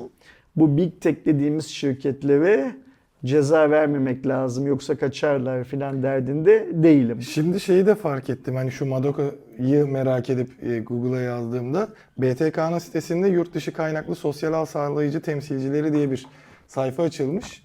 Orada da bu bilgiler veriliyor. Tabii ki işte Meta'nın sahip olduğu Facebook ve Instagram için e, Madoka Turkey Bilişim Hizmetleri Limited şirketi kurulmuş. E, LinkedIn için e, Snapdrap danışmanlık hizmetleri anonim şirketi var. TikTok için TikTok Turkey dijital medya ve reklam şirketi e, limited şirketi. Twitter için Twitter internet içerik hizmetleri limited şirketi. Google için Google Bilgi Teknolojileri Limited şirketi. Dailymotion için Gökhan Gökçe isimli biri varmış. Pinterest için WRP Turkey Web Tasarım Hizmetleri Limited şirketi e, ve Kontakte için Rus şey içinde Serhat Turan isimli biri görünüyor. Bu söylediğin şeyler ne de benim bizim şey kanunumuz vardı ya mu- muhatabımız olacak Türkiye'de filan filan. O muhatabı ve aynı zamanda biz bu şirketlere dedik ya Türkiye'de şirketiniz olacak vergi ödeyeceksiniz. Şimdi mesela burada şöyle bir başka şey de kabul var. ediliyor anladığım kadarıyla yani. Kişisel temsilci de kabul Aynen. ediliyor. Burada başka bir dert var. Mesela deniyor ki e, bu şirketleri kurdular ama bu şirketler Türkiye'de hala fatura kesmiyor. Yani faturaları hala İrlanda'dan şuradan buradan filan kesiyorlar. O yüzden de Türkiye'ye hala vergi ödemiyorlar filan gibi bir şeyler de var. e, muhabbetler de var. E, o yüzden e, ben Allah tahmin Allah. ediyorum ki bu iş çok uzunca bir süre konuşulacak. E, ama biz henüz Türkiye Cumhuriyeti Devleti olarak uygun yöntemi şey yapamadık, bulamadık. Çünkü biz sürekli yöntemi belirleyip insanların uymasını bekliyoruz. Ama bu şirketler dünyanın her yerinde devletlerle benzer görüşmeleri yapıyorlar. Yani onların know-how'ı bizim know-how'ımızdan biraz daha fazla. Ee, ve bir de e, bu parayı ödemek isterlerse ödeyecek paraları var. Yani bu şirketleri parayla, para cezası vererek e, ehlileştiremeyiz, evcilleştiremeyiz. Peki şu nasıl oluyor abi? Şu an fark ettim hatta acaba dedim sayfada mı yanlış yazılmış? Twitter'ın ve Google'ın eee, şeyine gidip YouTube'un eee, ili- alakalı sitelerine gidip baktığımda Twitter'la YouTube'un eee, işte Twitter Limited, Twitter içerik eee, hizmetleri Limited şirketi ve Google Bilgi Teknolojileri Limited şirketin adresi birebir aynı. E, aynı avukatlık bürosunun adresinde kurulmuşlardır. Yani e, şimdi Kanyonda. tebligatlar Türkiye'de postayla gönderildiği için e, bir de aynı hukuk bürosunun ötesinde Hukuk bürosunun şey şirket adresi olarak göster, gösterilebiliyor. göstermişlerdir. Ya da sırf bu hikayeyi daha kolay takip edebilsinler diye belki kanyonda ortak bir Alan tek bir küçük bir ofis tarzı bir yer tutmuşlardır belki. Çünkü bu şunu unutmamak lazım Aydoğan. Senin bu söylediğin isimler kişisel olarak Türkiye'de kurulan şirketler ya da adresler bu platformların gönüllü olarak yaptığı işler değil. Şey Bunlar bile olabilir zaten. Hmm, neydi? Kanyonda var mı bilmiyorum paylaşımlı ofis mi? O kadar değildir. Bunlar hani çok böyle şey zengin şirketler ama neden olmasın? Yani canları isterse onu değil. Burada önemli olan şey sen yasa kurucu olarak bir şey söylüyorsun. Adamlar da şeklen bunu uymaya çalışıyorlar. Mesela deniyor ki hangisi olduğunu unuttum. Galiba Facebook yanlış hatırlamış olabiliyorum. Facebook'un Türkiye'deki yetkilisi olarak görünen kişi Türkiye'de yaşamıyormuş mesela. Londra'da yaşıyormuş. Ve anladığım kadarıyla emin değilim. Galiba İngiliz vatandaşlığına geçmiş bir Türk'ten bahsediyoruz. Yani yargılanması vesaire vesaire gibi şeyler olursa bile e, Türk kanunlarının e, çok da uygulanabileceği bir format değil. Nitekim geçmişte şu olmuş. Yandex'in resmi yetkilisi olan kişi Rusya'da yaşayan bir Rusken Yandex Türkiye'de bir ceza almış. Ee, ve bu cezayı ödemediği için filan filan o kişiye tutuklama emri çıkartılmış Türkiye'de. Ama adam ayağı ömrü hayatı boyunca Türkiye'ye gelmemiş, Gelmemiş mesela. Şimdi adama diyorlarmış ki anladığım kadarıyla bundan da emin değilim. Yani şu Türkiye'deki böyle böyle bir hikaye adam da diyormuş ki olarak ya ben hayatımın bir döneminde Yandex'te çalıştım. Artık çalışmıyorum. Türkiye'ye hiç gelmedim.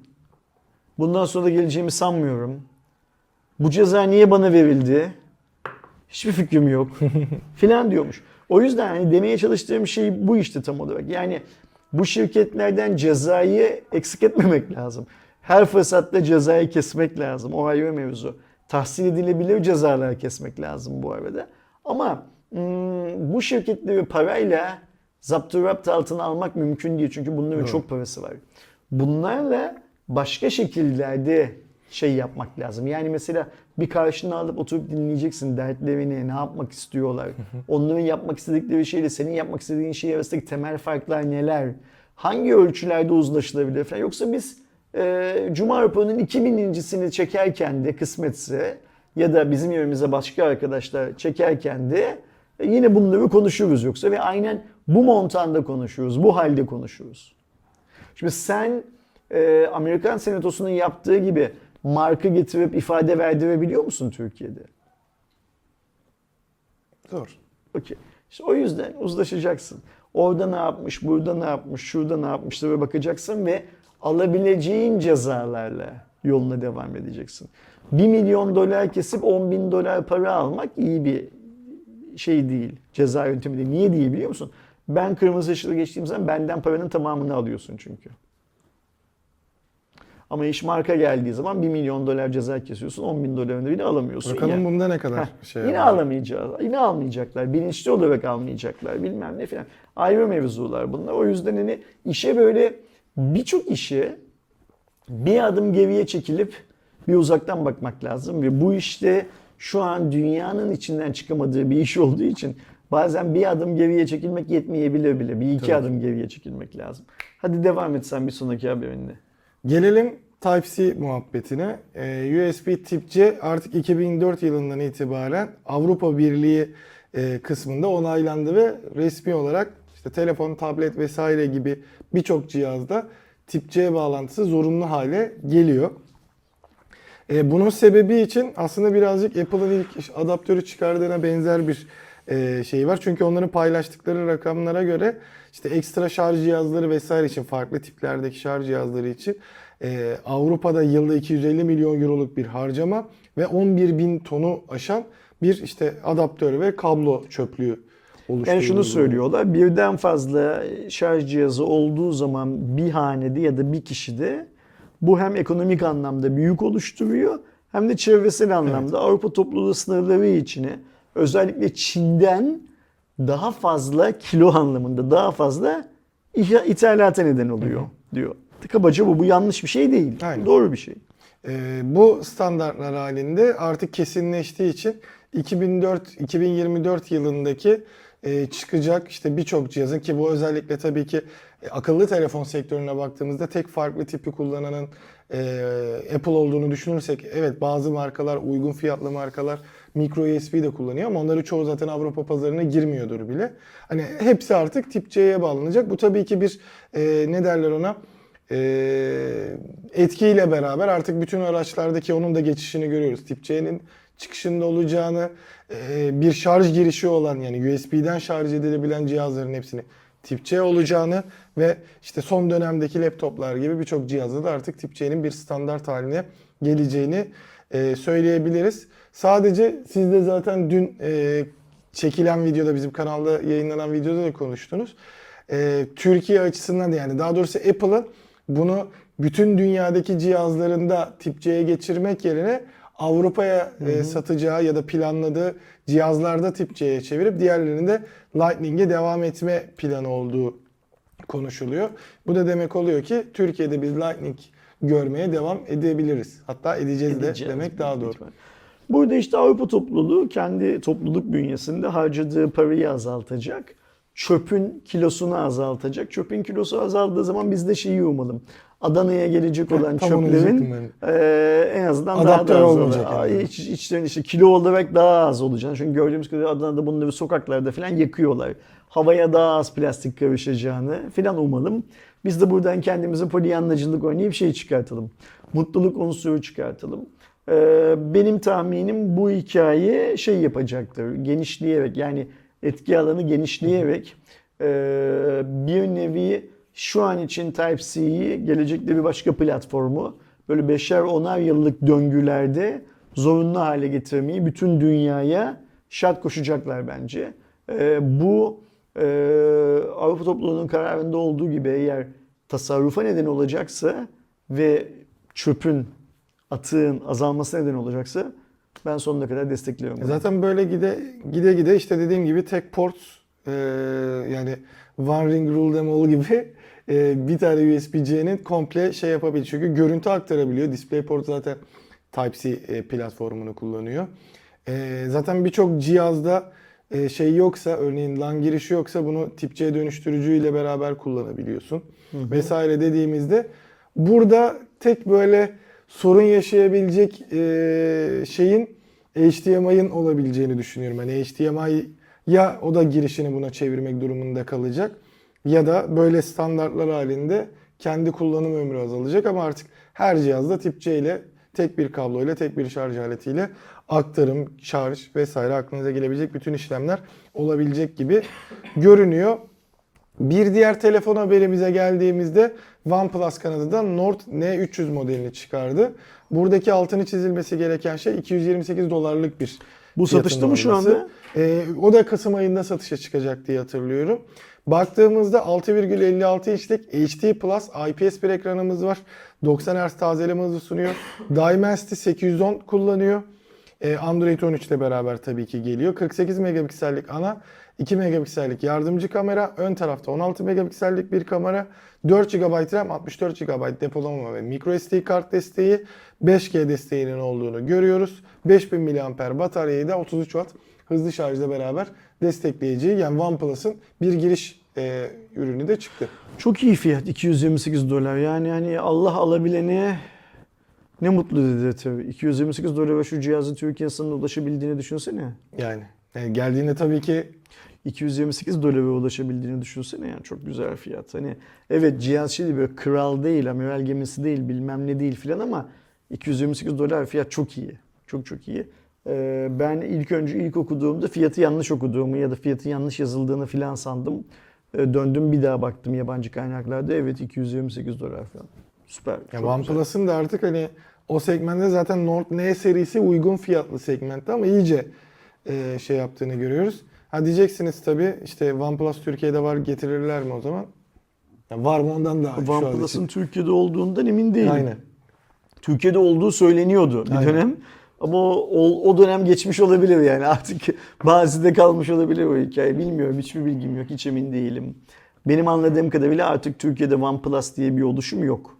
Benim anladığım bu. Yani. Yani özel bir oluşum yok Ki bu OnePlus diye. yeni 1 Kasım standartlarıyla beraber falan filan artık OnePlus Türkiye'de hiç yok demek de daha doğru olabilir. Yani en azından insanlar eee, işte yurt dışından getirtebiliyordu, getirtileni almaya çalışıyordu falan filan meraklıları. Şimdi bakalım ne olacak. Hiçbir fikrim yok. Bir diğer e, zam haberi diyebiliriz ama birazcık öneri tarafında oyun kısmına geldiğimizde herkes zaten oyuncular da son kale yıkıldı vesaire diye paylaşıyordu. Steam'in e, ilk başta Türkiye için sonradan bir global açıklama yaparak e, döviz kurundaki e, fiyatları kendisi tekrar güncellediğini duyurdu. Türkiye'de de şimdiye kadar hani son daha önceki güncellemeyle beraber e, 1 dolara 2,10 TL'ye e, denk düşerken hatta 99 senti şimdi 11'e yükseltti. Aslında hala çok güzel. fiyatla 18 tutuyor. lira yerine 11 lira. Çok ins- insaflı bir zam bu. Ama do- %424 bir artış var. Bu ilk başta Valve'in kendi oyunlarına yansıtı haliyle ama şu anda bir etki aslında görmüyoruz. Bu ne demek? İlerleyen dönemlerde e, bunun yankılarını görebilir. Çünkü Steam her zaman tavsiye verir. Hani sen burada böyle yaparsan daha iyi satarsın. Burada böyle tutmanı tavsiye ediyoruz diye. Ve oyun yayıncıları oyunlarının fiyatlarını belirlerken bu tavsiyelere göre orada bir fiyatlandırma yapabilir. Yine tabii ki Türkiye'deki durumu bilen geliştiriciler özellikle büyük firmalar ona uygun daha düşük fiyatlar yapabilir. Ama e, daha öncesinde ki fiyatlara bakarsak artık önerilen de mesela 60 dolar ya oyun fiyatı minimum 510 liralık oyunlar Al- alacaksan al zamanındayız yani. Hani eğer Steam'den bir şey Bir de alacaksınız. tam şu an işte Halloween indirimi Aynen geliyor öyle. sonra kış indirimleri var. Yani 2.10 önerilen fiyat dolar için çok düşükmüş sağ olsunlar. Ama 11 lirada gerçeğin çok altında yine onu da kabul etmek lazım. Fakat aradaki fark işte ya uygulanırsa 5 misli fiyatların 4.5-5 misli kadar artması söz konusu Steam'deki oyun fiyatlarının uygulayan şirketlerin, stüdyoların, büyük ihtimalle aslında şu anki oyunlarda görmeyiz onu. Ama yeni yeni, çıkan oyunlar artık bin büyük bir ihtimal. küsür liralara gelir yani. Bu zaman şey Cadılar Bayramı diye öbür pay, bir paylaşım daha yaptılar. Cadılar Bayramı'ndayız ya şu an. Aynen. Ya şu an zaten indirim dönemi tam şey olarak. E, bir diğer yandan hani yapılan değişikliklere baktığımızda Steam'in önerisinde artık e, 1 dolar eşittir 1 euroya geçmiş. Normalde euro işte 0.76'ya cent, falan aynen. denk geliyordu. E, şeydeki duruma göre, Steam'deki duruma göre. E, bir diğer yandan e, bu şeyleri fiyat önerilerine baktığımızda Türkiye en çok artışın yaşandığı ikinci e, ülke. Birinci sırada Arjantin'in pesosu var. Daha önce 13.99 e, peso olan 1 dolar 82 pesoya yükselmiş. Onlarda da %486'lık bir artış var. Ha, yüzde şey 0.79 euroydu bu arada. 0.99 dolar o artık eşitlenmiş durumda.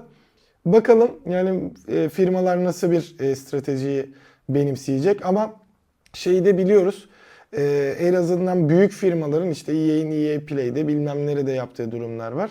Ha bir de oyuncuların şey durumu da var. Artık Steam o kale değildi. Bizim için son kale Xbox'ın Game Pass sistemi diyorlar. Onunla alakalı da yakın zamanda çok fazla söylenti dolaşıyor. Game Pass'in de tekrar Ya şimdi zaten güncelleneceği. birisi zam yapınca öbürünün zam yapmama ihtimali yok ya da fiyat güncellemesi yapacak. Yapacaktır. Yani hani o bence Steam bu zamana kadar çok büyük kıyak geçmiş. Ee, artık Hatta saatten- ayrı bölge yapmıştı bölge öyle. kilitleri Bu saatten sonra da artık anlayışla karşılamak lazım. Hala Şey. anlayışla karşılıyor. Onlar ya hala kıyak geçiyor. 11'i e, şey öneriyor yani. Ee, bu zam haberinden sonra şimdi gelen bir basın bülteninden ben de bir şey söyleyeyim. Biz geçen hafta da YouTube'un zam yaptığından bahsetmiştik Cuma raporunda. Türk Telekom Prime'da üyelerine 3 ay boyunca YouTube Premium ücretsizmiş. Hı. Ee, Türk Telekom böyle bir kampanya başlatmış. Kampanyanın Ama de- ilk premiumculara mı acaba? kampanyanın detaylarını e, ne olduğunu bilmiyorum açıkça söylemek gerekirse Aydoğan. Oturup şey yapmak da istemiyorum. Bütün bülteni baştan sona okumak da istemiyorum. Türk Telekom abonesi olanlar bence bir baksınlar. Eğer 3 ay ücretsiz YouTube Premium kullanmak istiyorlarsa bir baksınlar kendileri bu şeye girerler mi girmezler mi diye. Zam- devir şey devri, tasarruf devri olduğu için 3 ay 3 aydır hani 3 ay yırtarsan ne hala diyelim ve senin şimdi sanırım buraya kadar teknoloji haberlerimiz vardı. Bundan sonra otomobil haberlerine geçiyoruz değil mi? Ee, evet. Okey. Senin derlediğin otomobil haberlerine geçelim ama geçmeden önce ben bir şey söylemek istiyorum. Ee, son yapılan araştırmalar gösteriyor ki Aydoğan e, dünyadaki cep telefonu satışları düşmeye devam ediyor. %11 civarında son çeyrekte yani ölçülebilen son çeyrekte bir başka düşüş daha var. Sıralama değişmiş değil yani en çok üreten, satan adetsel anlamda Samsung, ikinci Apple, üçüncü Xiaomi hala. Orada bir şey yok ne derler sorun yok. Ee, çok böyle büyük sıçramalar, düşmeler bilmem neler filan da yok. Ama genel anlamda pazarın tamamına baktığımız zaman %11 küçülme çok büyük bir küçülme. Tabii ki. Burada önemli olan şey şimdi artık hangisinin daha az küçüldüğü olacak ki karlılıklar ona göre etkilenecek. Bunun da raporlarını sanırım önümüzdeki haftalarda filan çok çok şey e, mantıklı bir şekilde hani kim ne kadar kardan zarar etmiş, kim ne kadar daha çok kar etmiş bilmem ne filan gibi şeyleri duymaya başlarız. Dedikten sonra şu benim çok merak ettiğim fabrika çıkışı ikinci el otomobil Evet. hikayesine geçelim. Renault'un Ee, globalde aslında daha çok böyle elektronik şeylerde gördüğümüz işte refurbish ya da yenilenmiş diye çeviriyoruz biz de Türkçe'ye. Bu e, araç sisteminde de Renault başlıyor ama ilk başta yani Türkiye'deki birçok kullanıcı işte Türkiye'deki fiyatlardan dolayı Türkiye özel bir sistem vesaire diye düşündü. Aslında değil. Yani Renault Fransa'da dahil olmak üzere e, birçok yerde bunu ya fabrikası olan e, yerlerde yapmayı planlıyor. Yenilenmiş ikinci el araç programı da e, Türkiye'deki e, Renault Grup CEO'su Hakan Doğu'nun e, tarafından da e, artık e, resmi olarak da açıklandı. Refactory olarak e, adlandırılacak Hı hı. e, bu e, sistem. Şu anda Fransa ve İspanya'da e, yapılıyor. Türkiye'de de başlayacak. Doğu'nun da açıklamasına baktığımızda teknolojik olarak yatırımlarımızı kararını verdik. Türkiye'de ikinci elin kaderini değiştireceğiz. Yeni bir oyun kuracağız. Muhtemelen diğer üreticiler de bizi taklit edecekler. Çünkü otomobile doğru ulaşıma yöntemi bu olacak. 10 yıl boyunca aracı sürekli yenileyip garantiler vererek halkın güvenerek kullanacağı uygun fiyatlı araçlar yapacağız demiş. Devamında yenileme merkezi Bursa'daki Oyak Renault fabrikasının içerisinde olacak. Başlangıçta 6 yaşına kadar araçlar yenilenecek. Sonrasında bunu 10 yaşa kadar uzatmayı planlıyoruz. Motor dahil her şey yenilenebilecek. 2 yılda da garanti sunulacak şekilde bir açıklama var. İlk etapta tabii ki Renault Dacia modellerinin olması e, planlanıyor. Daha sonrasında tabii ki bu işte hem süre hem de araç skalası genişlenebilir. Şimdi ben buradan şunu anlıyorum Aydoğan. Bu kere çok önemli bir haber. Ama ben şunu anlıyorum. Türkiye'deki ikinci el araç satışı da en sonunda bir düzene girecek gibi görünüyor. Yani düzenden kastım şu. Mesela biz bundan eee, çok çok yıllar önce eee, Koç grubunun ve Doğuş grubunun ikinci otomobille ilgili girişimlerini gördük değil mi? Eee, bu adamlar ne diyorlardı ısrarla? Biz bu arabaları aldıktan sonra neyi eksik, neyi fazla ona bir bakıyoruz. Siz bu arabayı köşedeki galeriden değil bizden aldığınız zaman bir garantiyle alıyorsunuz bilmem ne filan filan. Şimdi bu geçtiğimiz yıllarda da işte şey olan Vava Cars'dır, Letgo Auto Plus'tır. Onlar da birazcık, onlar yenileme yapmıyor ama hani şey diyor bizim güvencemizle olur. ben niyeyse o e, oluşumların hiçbirisine güvenmiyorum. Onu Ben peşin de. peşin söyleyeyim. Yani Hala daha şey değiller. yani. Adının o olması, bu olması, arkasında şu grubun, bu grubun olması beni hiç ilgilendirmiyor.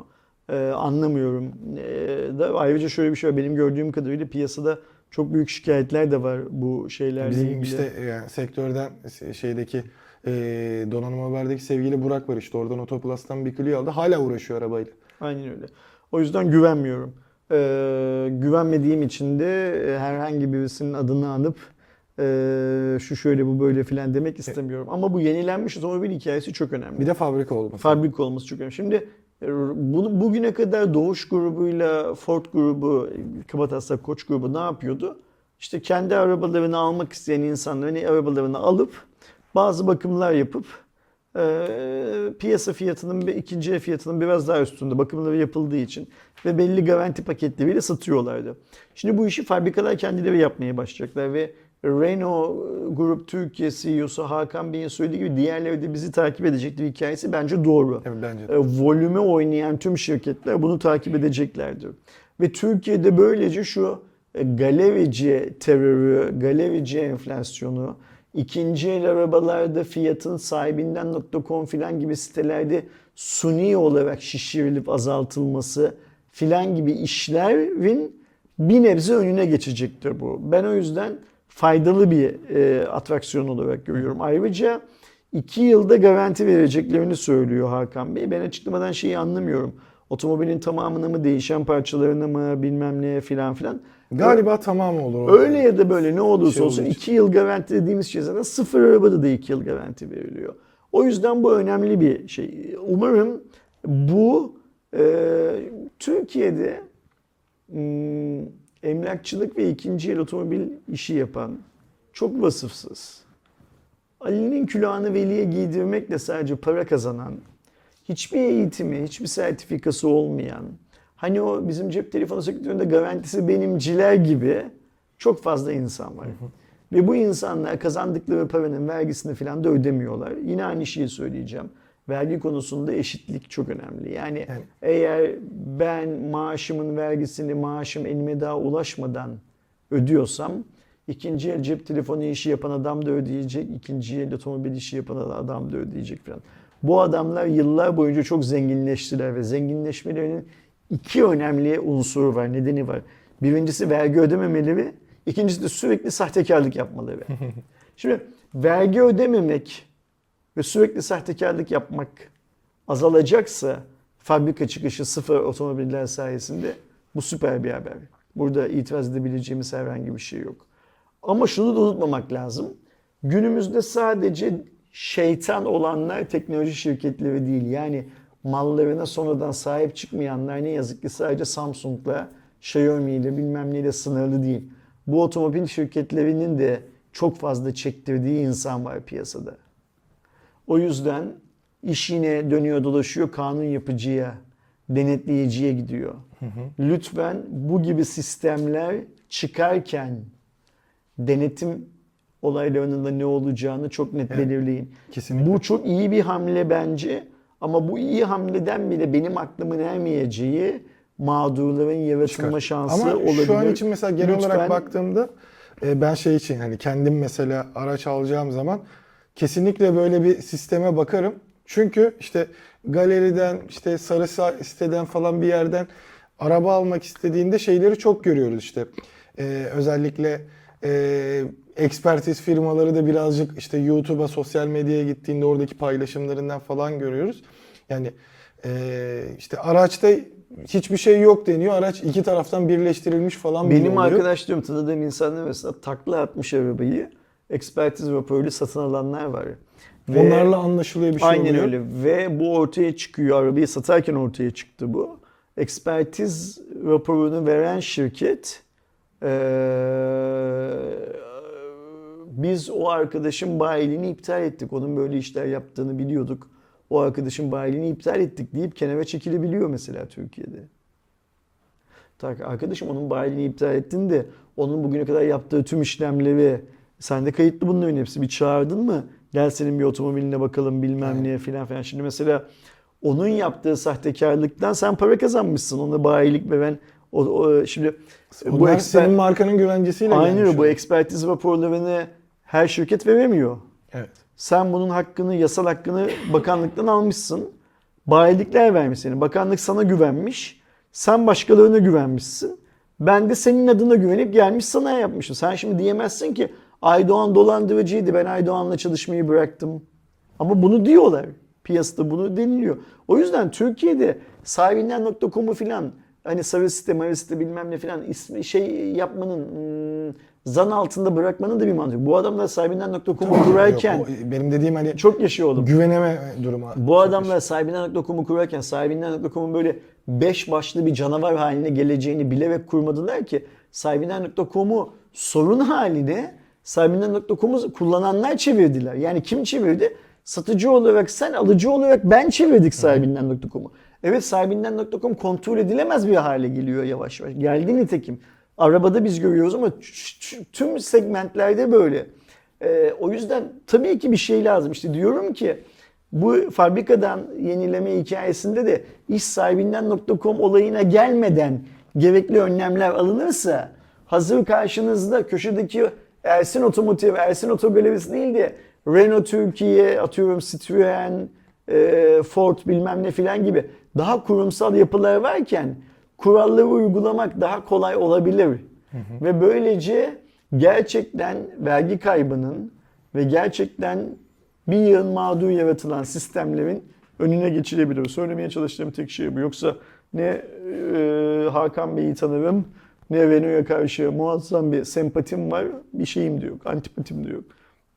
Ama iş yapma ahlakı anlamında şuna çok çok iyi biliyorum ki bu şirketler Ersin Otomotiv'den, Aydoğan Otogalerisi'nden bilmem ne filan filan daha ahlaklı olmak zorundalar. Ya bir de işte hani bizim Türkiye'deki işte insanların bu her zaman cebini düşünme isteğinden dolayı hani sen bir servise götür götürmeyip işte şeyde e, sanayide vesaire yapılan bir araca da yüzde yüz güvenemiyorsun işte kim yaptı ne yaptı. En azından burada fabrikadan çıktığı için hani en azından motoru değiştiyse motoru değişti. Hani orada her şey yenilendi deyip çıkma mı yaptılar bilmem ne mi yaptılar derdi de olmayacak. Araba komple boyanmış bile olsa fabrikadaki boya zaten hani Aynen şeyiyle beraber hiç bu şey değil. Ayrıca Zaten şu boya muhabbeti sadece ha, Türkiye'de aynen takılıyor. onu söylüyorum. Bu boya tüye Türk halkı niye bu kadar takmış onu da anlamak çok mümkün değil. Yani ben öyle insanlarla tanışıyorum ki geçmişte de tanıştım ki atıyorum kuzey ülkelerinde falan tampon öndeki arabaya park halinde çarpmak için yapılmış. Çarpıp yani ileri itmek için öndeki arabayı geri itmek için bir park alanına girmek ve çıkmak için yapılmış diyen insanlar var. Yani hani Türk halkı bir boya boya boya boya derdi ve boyası var mı? Aynen. Değil mi? Yani mesela sadece kapıda boyası var. Sadece çamurlukta Ya zaten hani Lan şey de var. şu boyayı. Aradan- Arabanın motorunu değiştirmişsin. Pezevenk şey yapmışsın. Ne derler? Ee, sıfır kilometre yapmışsın kilome, kilometresine. Ha, 200 bin kilometrelik motoru. Ama diyorsun ki boya şeyde ne der, arabada boya yok. Ya zaten hani 5 yıldan hadi o da maksimum diyorum hani aslında bence bir yıldan itibaren illaki bir araçta çizik olur bir şey olur. Şimdi bak İstanbul'da bundan 3 yıl önce falan bir dolu hikayesi yaşandı.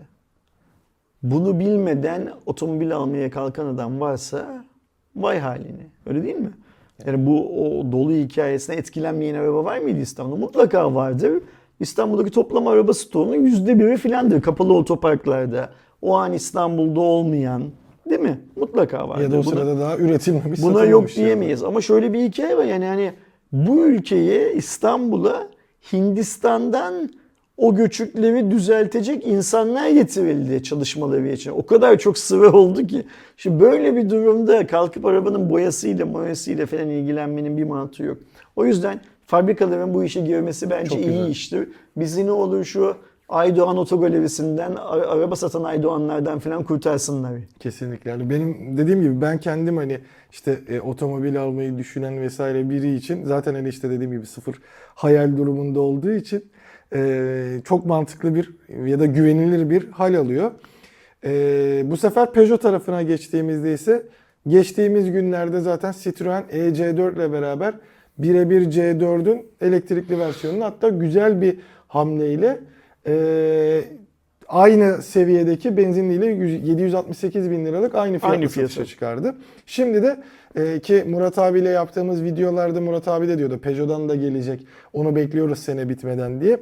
2008'in elektrikli versiyonu E2008 de Türkiye'ye geldi. Tek model tek fiyatla geliyor. 9000 TL'lik bir fiyatı var. 100 kW'lık 136 beygir güç ve 260 nanome- nanometre tork üretebilen motoru var. GT line yani GT seviyesinde geliyor. 0 yüzü 9.7 saniye. Ee, sınırı da hız sınırı da 150 kilometrelik sınırı var. 16 kWh saatlik e, 100 kilometrede de 16 kWh saatlik ortalama bir tüketimi olduğunu da söyleyelim. Yani 9 bin liraya 1 milyon altına gelen araçlardan biri oldu ama güzel e, bir avantajı da var bu arada. 100 kW'a kadar DC destekli bir şarjı 30 dakikada %80 doluma ulaşabiliyor. Lansmana özelde e, siz E2008'i satın aldığınızda bir yıllık 20 bin TL'ye denk gelen e-şarjlardan kullanabileceğiniz bir enerji denk geliyor. Böyle de bir e, avantaj sunmuşlar. Güzel, Güzel. bir paket. Güzel bir Geçelim bir sonraki haberi. Ee, son haberimizde e, Audi kanadından geliyor. Bu zaten özellikle Formula 1'i takip edenler çok duymuştur. Bir Audi'den bir Porsche'den çok fazla şey oluyordu. Audi ve e, Formula 1 tarafı Liberty Media resmi olarak açıkladı. 2026 sezonuyla beraber Sauber olarak bildiğimiz, şu anda Alfa Romeo e, Sauber olarak bildiğimiz e, takımı alan Audi 2026 itibariyle fabrika takımı dediğimiz motorunu da kendi üretip takımın da sahibi olacak şekilde eee, F1 camiasına giriş yapıyor. Sauber ismi değişecek mi? Evet artık Audi, olarak Audi olacak. bileceğiz. Okey yani yeni Alman. Evet. Geliyor. Normalde İsviçreliliği daha önce zaten BMW Sauber olarak çok biliyorduk. Yani uzun yıllar boyu BMW bu takımın e, destekçilerinden biriydi. Ama şimdi BMW Audi'ye motor veriyordu. Destekçisi dediğimiz öyle. Ee, şimdi Formula 1'e yeni bir Alman geliyor. Yani Mercedes'ten sonra, BMW'den sonra değil mi? E, ya BMW tekrar çıktı. Şu an tek Mercedes vardı ama işte Porsche'nin falan filan da düşündüğünü biliyoruz. E, işte Red Bull'la bir flörtleşmesi oldu bilmem ne oldu. Şeyler var. Tekrar bir e, motor üreticileri diyeyim ya da otomobil firmaları bir F1'e tekrar ilgi duymaya başladı. Baş, iyi hadi bakalım. Almanların olması iyidir. Yani Almanların e, en nihayetinde şeyi kabul etmek lazım. Şimdi e, dünyadaki adetsel satışlara baktığımız zaman uzak doğu tabii ki çok önde. Yani e, uzak doğudan kastettiğimiz çevre değil tabii ki. Yani Japonya ile Kore'yi şey yapıyoruz, kastediyoruz. Yani Toyota başta olmak üzere Honda filan Japon markalar ve e, Hyundai ile şey e, Kia Koreli markalar adetsel olarak yukarı öndeler. Ama şöyle bir gerçek var. Dünyada bu işi e, en iyi demeyelim de şanına en yakışır şekilde yapan adamlar hala Almanlar. Evet. Yani yeni kıtanın Ford'dan başka e, çok fazla bir şeyi yok orada. Çok önemli endüstri devriminin son adımı açısından. Otomobil sektörü için Henry Ford'un yaptıkları falan tabii ki çok Tabii çok ki. önemli. İşte İtalyanların başka bir duruşları bilmem neleri falan var. Formula 1 İtalyanlar için, o işin biraz eliti. Formula 1 için çok çok önemli. Diğer yarış sporları için çok çok önemli ama Almanların o mekanik hikayeleri çok üstün gerçekten ve Formula 1 gibi işin sadece hız olmadığı, aynı zamanda dayanıklılık olduğu, aynı zamanda prestij olduğu bir yerde yeni bir Alman görmek tabii ki iyi. Audi benim e, çok sevdiğim bir marka değil. Ben Audi'yi de biliyorsun sevmiyorum. Yani Audi'yi de sevmiyorum. Audi kullananları da çok fazla haz etmiyorum. Özellikle Türkiye'de. Ee, ve Audi'yi böyle biraz Türkiye'deki versiyonuyla garip bir marka olarak biliyorum. Yani şöyle garip bir marka olarak değerlendiriyorum. Bunlar yıllar yıllar önce 90'lı yılların ortalarında filan bir reklam kampanyası yapıp işte o zamanki tabiriyle kro filan denilen insanların Audi kullanmadıklarına vurgu yapıyorlardı mesela. O zamanlar birçok insanın çok hoşuna gitmiş olan bir reklam falan olabilir. Muhtemelen benim de çok hoşuma gitmiştir. Ama muazzam bir ayrımcılık reklamıydı. Yani mesela işte yanlış hatırlamıyorsam şöyle reklamlar vardı. Bir tane gaz pedalı, beyaz çorap, ayakkabının arkasına basmış, köseli ayakkabının arkasına basmış bir ayak. Mesela bunu Audi'de göremezsiniz. Ya benim mesela Diyordu. Audi denildiğinde birçok insanın da e, aklına gelebilecek şey reklamı geliyor. O globaldeki reklamıydı tabii. İşte e, bir şey anahtarlık var. İşte geliyor Mercedes anahtarı takılıyor oraya. BMW anahtarı takılıyor. İşte Ferrari falan da vardı galiba. İşte o 5 halka, 5 farklı şey orada Audi'yi oluşturuyordu mesela. O tarz şeyler var. Keza Ben onu hiç sö- bu bilmiyorum söylediğim ve bu gazete reklamıydı. Ee, televizyonlarda da yine fotoğraf olarak yayınlanan bir reklamdı. İşte bir başka şeyde reklamda e, arabasının camından aşağıya sigarasını atan bir adam vardı. O Audi kullanıcısı olamazdı filan filan. Bir yanlış hatırlamıyorsam Audi'nin Türkiye'ye ilk girdiği yıllar yani 90'ların başında 93 filan gibiydi galiba. Ee, o reklamlar o zamanlar çok konuşuldu ve böyle bir elitist, şehirli, filan diye adlandırılan bir akım yakalamaya çalıştı Audi. E, bunun global bir e, şey mi olduğunu, kampanya mı olduğunu, yerel bir iş mi olduğunu bilemem. Ama tabii ki geldiğimiz noktada dünyanın hani bu sosyal medyanın bu kadar fazla kullanılması, internetin hayatımıza girmesi filan hikayesinde böyle bir elitist tavır bilmem ne filan kalmadı artık şeydi.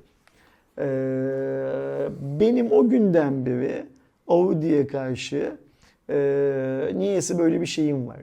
Ön yargım var.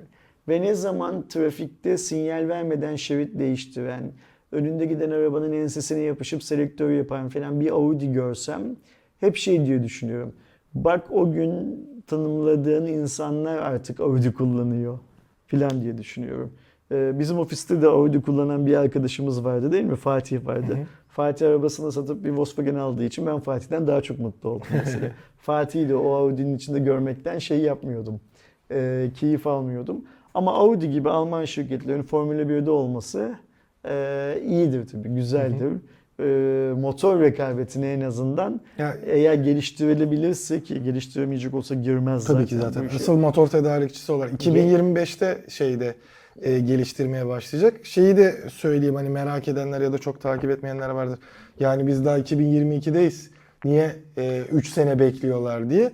F1'in regülasyonları 2026'da özellikle motor tarafında sürdürülebilirlik bakımından değişecek. Orada büyük değişiklikler olacağı için hani e, Audi tabii ki işte 2 yıl bir motor geliştirip sonra onu tamamıyla değiştirmek yerine direkt 2026'daki regülasyonlarla beraber girmek için e, böyle bir şey yapıyor ki bence de Yani şimdiden 2026'ya kadar Audi de kendini hazırlayacak Evet. aslında Formula Hem 1'e. bütçesel olarak vesaire. Ha niye ayrı girmiyor? Oradaki işte tabii ki giriş standartları falan filan hali hazırda olan bir takımı devralmak ya da satın almak çok daha e, şirketler için şey var. Çünkü sen araç geliştirmen lazım, şey yapman lazım. Hazır geliştirilmiş aracın üzerinde çalışmak çok daha mantıklı bir hikaye diyelim ki Audi birçok motor sporunda var. Tekrar F1'e gelmiş olması da tabii ki bence de e, güzel Keyifli bir durum olacak.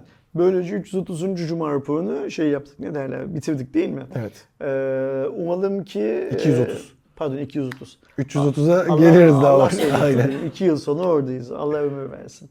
Ee, Cuma raporunu bitirdik. Umalım ki bugün tüm vatandaşların en azından bizim izleyenlerimizin beklediği şu e, vergi indirimiyle ilgili kayda değer bir şeyler duyarız. Ee, Yarın da bakalım neler açıklanacak şey TOG'a hiç girmedik bu yayında. Girmememizin nedeni yarın işte ilk araç banttan indirilecek ve yarın çok büyük duyuruların olması lazım. Yani büyük duyurulardan kastım şu Aydoğan. Artık fiyatı telaffuz etmeleri lazım. Bu araba nerede satılacağı telaffuz etmeleri lazım. Ka- kaç üretim hedefliyorlar günlük, haftalık, aylık, yıllık onu söylemeleri lazım. Bu önemli. Çünkü cebinde parası olan insanların da TOG alıp alıp, alıp alamayacakları çıkacak ortaya.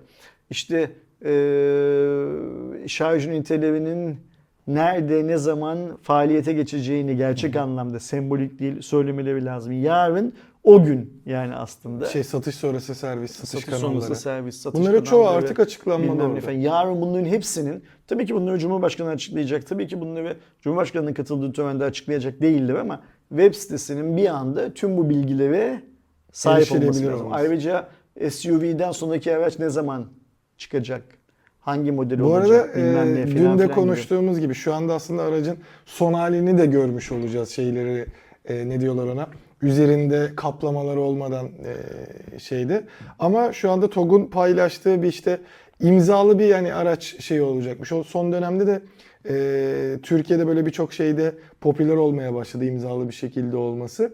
E, imzayı atabildiğiniz siteye girdiğinizde arabanın neresine imza atacağınıza bakarken arabanın tamamını görebiliyorsunuz aslında hani en azından son ve şey halini, prototipten çıkmış halini. Ee, bakalım göreceğiz. Cuma Zaten kapatmadan önce şimdi bana gelen bir tane e-maildeki bilgiyi kabataslak söyleyeyim. Tabii ki. Bunun ne derece doğru ne derece yanlış olduğunu bilmiyorum ama e, bana e, Digital Funnel mı? E, evet Digital Funnel diye bir organizasyondan gönderilmiş bu. Son dakika notu olarak gönderilmiş. Diyor ki son 24 saat içinde e, Twitter nasıl kapatılır araması Google'da yüzde 1011 artmış. Hmm. Ee, Twitter Delayed araması %560 artmış. Ee, Twitter Alternatives araması da %300 artmış. Ee, ve bunun tamamının e, Trump, Trump diyorum Musk'ın yaptığı açıklamadan sonra bu oranda arttığı kaydedilmiş. Eğer bu doğruysa e, demek ki o bizim yayının başında benim kaygı duyduğum noktalarda başka başka insanların da kaygı duyduklarını şey yapabiliriz, e, düşünebiliriz. Bu arada başka anahtar kelimeler de var tabii ki E, ama onlar hani oranlar artık düşüyor %30'lara %50'lere falan düşüyor. Ancak şey de var e, Twitter'a kayıt olma hikayesi de %50 artmış araması da yani bunu da unutmamak lazım. Yani insanlar sadece Musk yüzünden Twitter'dan Çıkanlar da var, bir bakalım düşünüyor. diyenler de var. Şimdi bunlar çıktılar baktılar diye çıkmayı düşünüyorlar ya da girmeyi düşünüyorlar diye isimlendirmek şey değil yani. O da var bu da var şeyde. Garip işte bu hani veri bu anlamda güzel tabii ki neyin ne olduğunu. Bakalım mesela bir yıl sonra e, şu rakam çok büyük Aydoğan e, yüzde 1011 How to Delete Twitter bir çok şey bir rakam. Artışı bu yüzde 1011. Yani daha önce bir kişi aratıyorsa 24 saatte bunu şimdi, Şimdi 1011 1011 kişi kişi, aratmış. Aksiyona geçmişler mi bu arkadaşlar? Önümüzdeki yıl Twitter'ın raporlarında görür müyüz? Toplam kullanıcısında bir, Bir azalma artış var yok. Gelirden Bu son bu. dakika hikayesiyle birlikte Cuma raporunu kapatalım. E, Herkesin tekrar 29 Ekim'ini bir kez daha kutlayalım. Siz de lütfen yakınlarınızın en yakınınızdaki insanın 29 Ekim'ini kutlamayı unutmayın. Hepimize iyi bayramlar diyelim ve Cuma raporunu öyle bitirelim. Hoşçakalın. Hoşçakalın.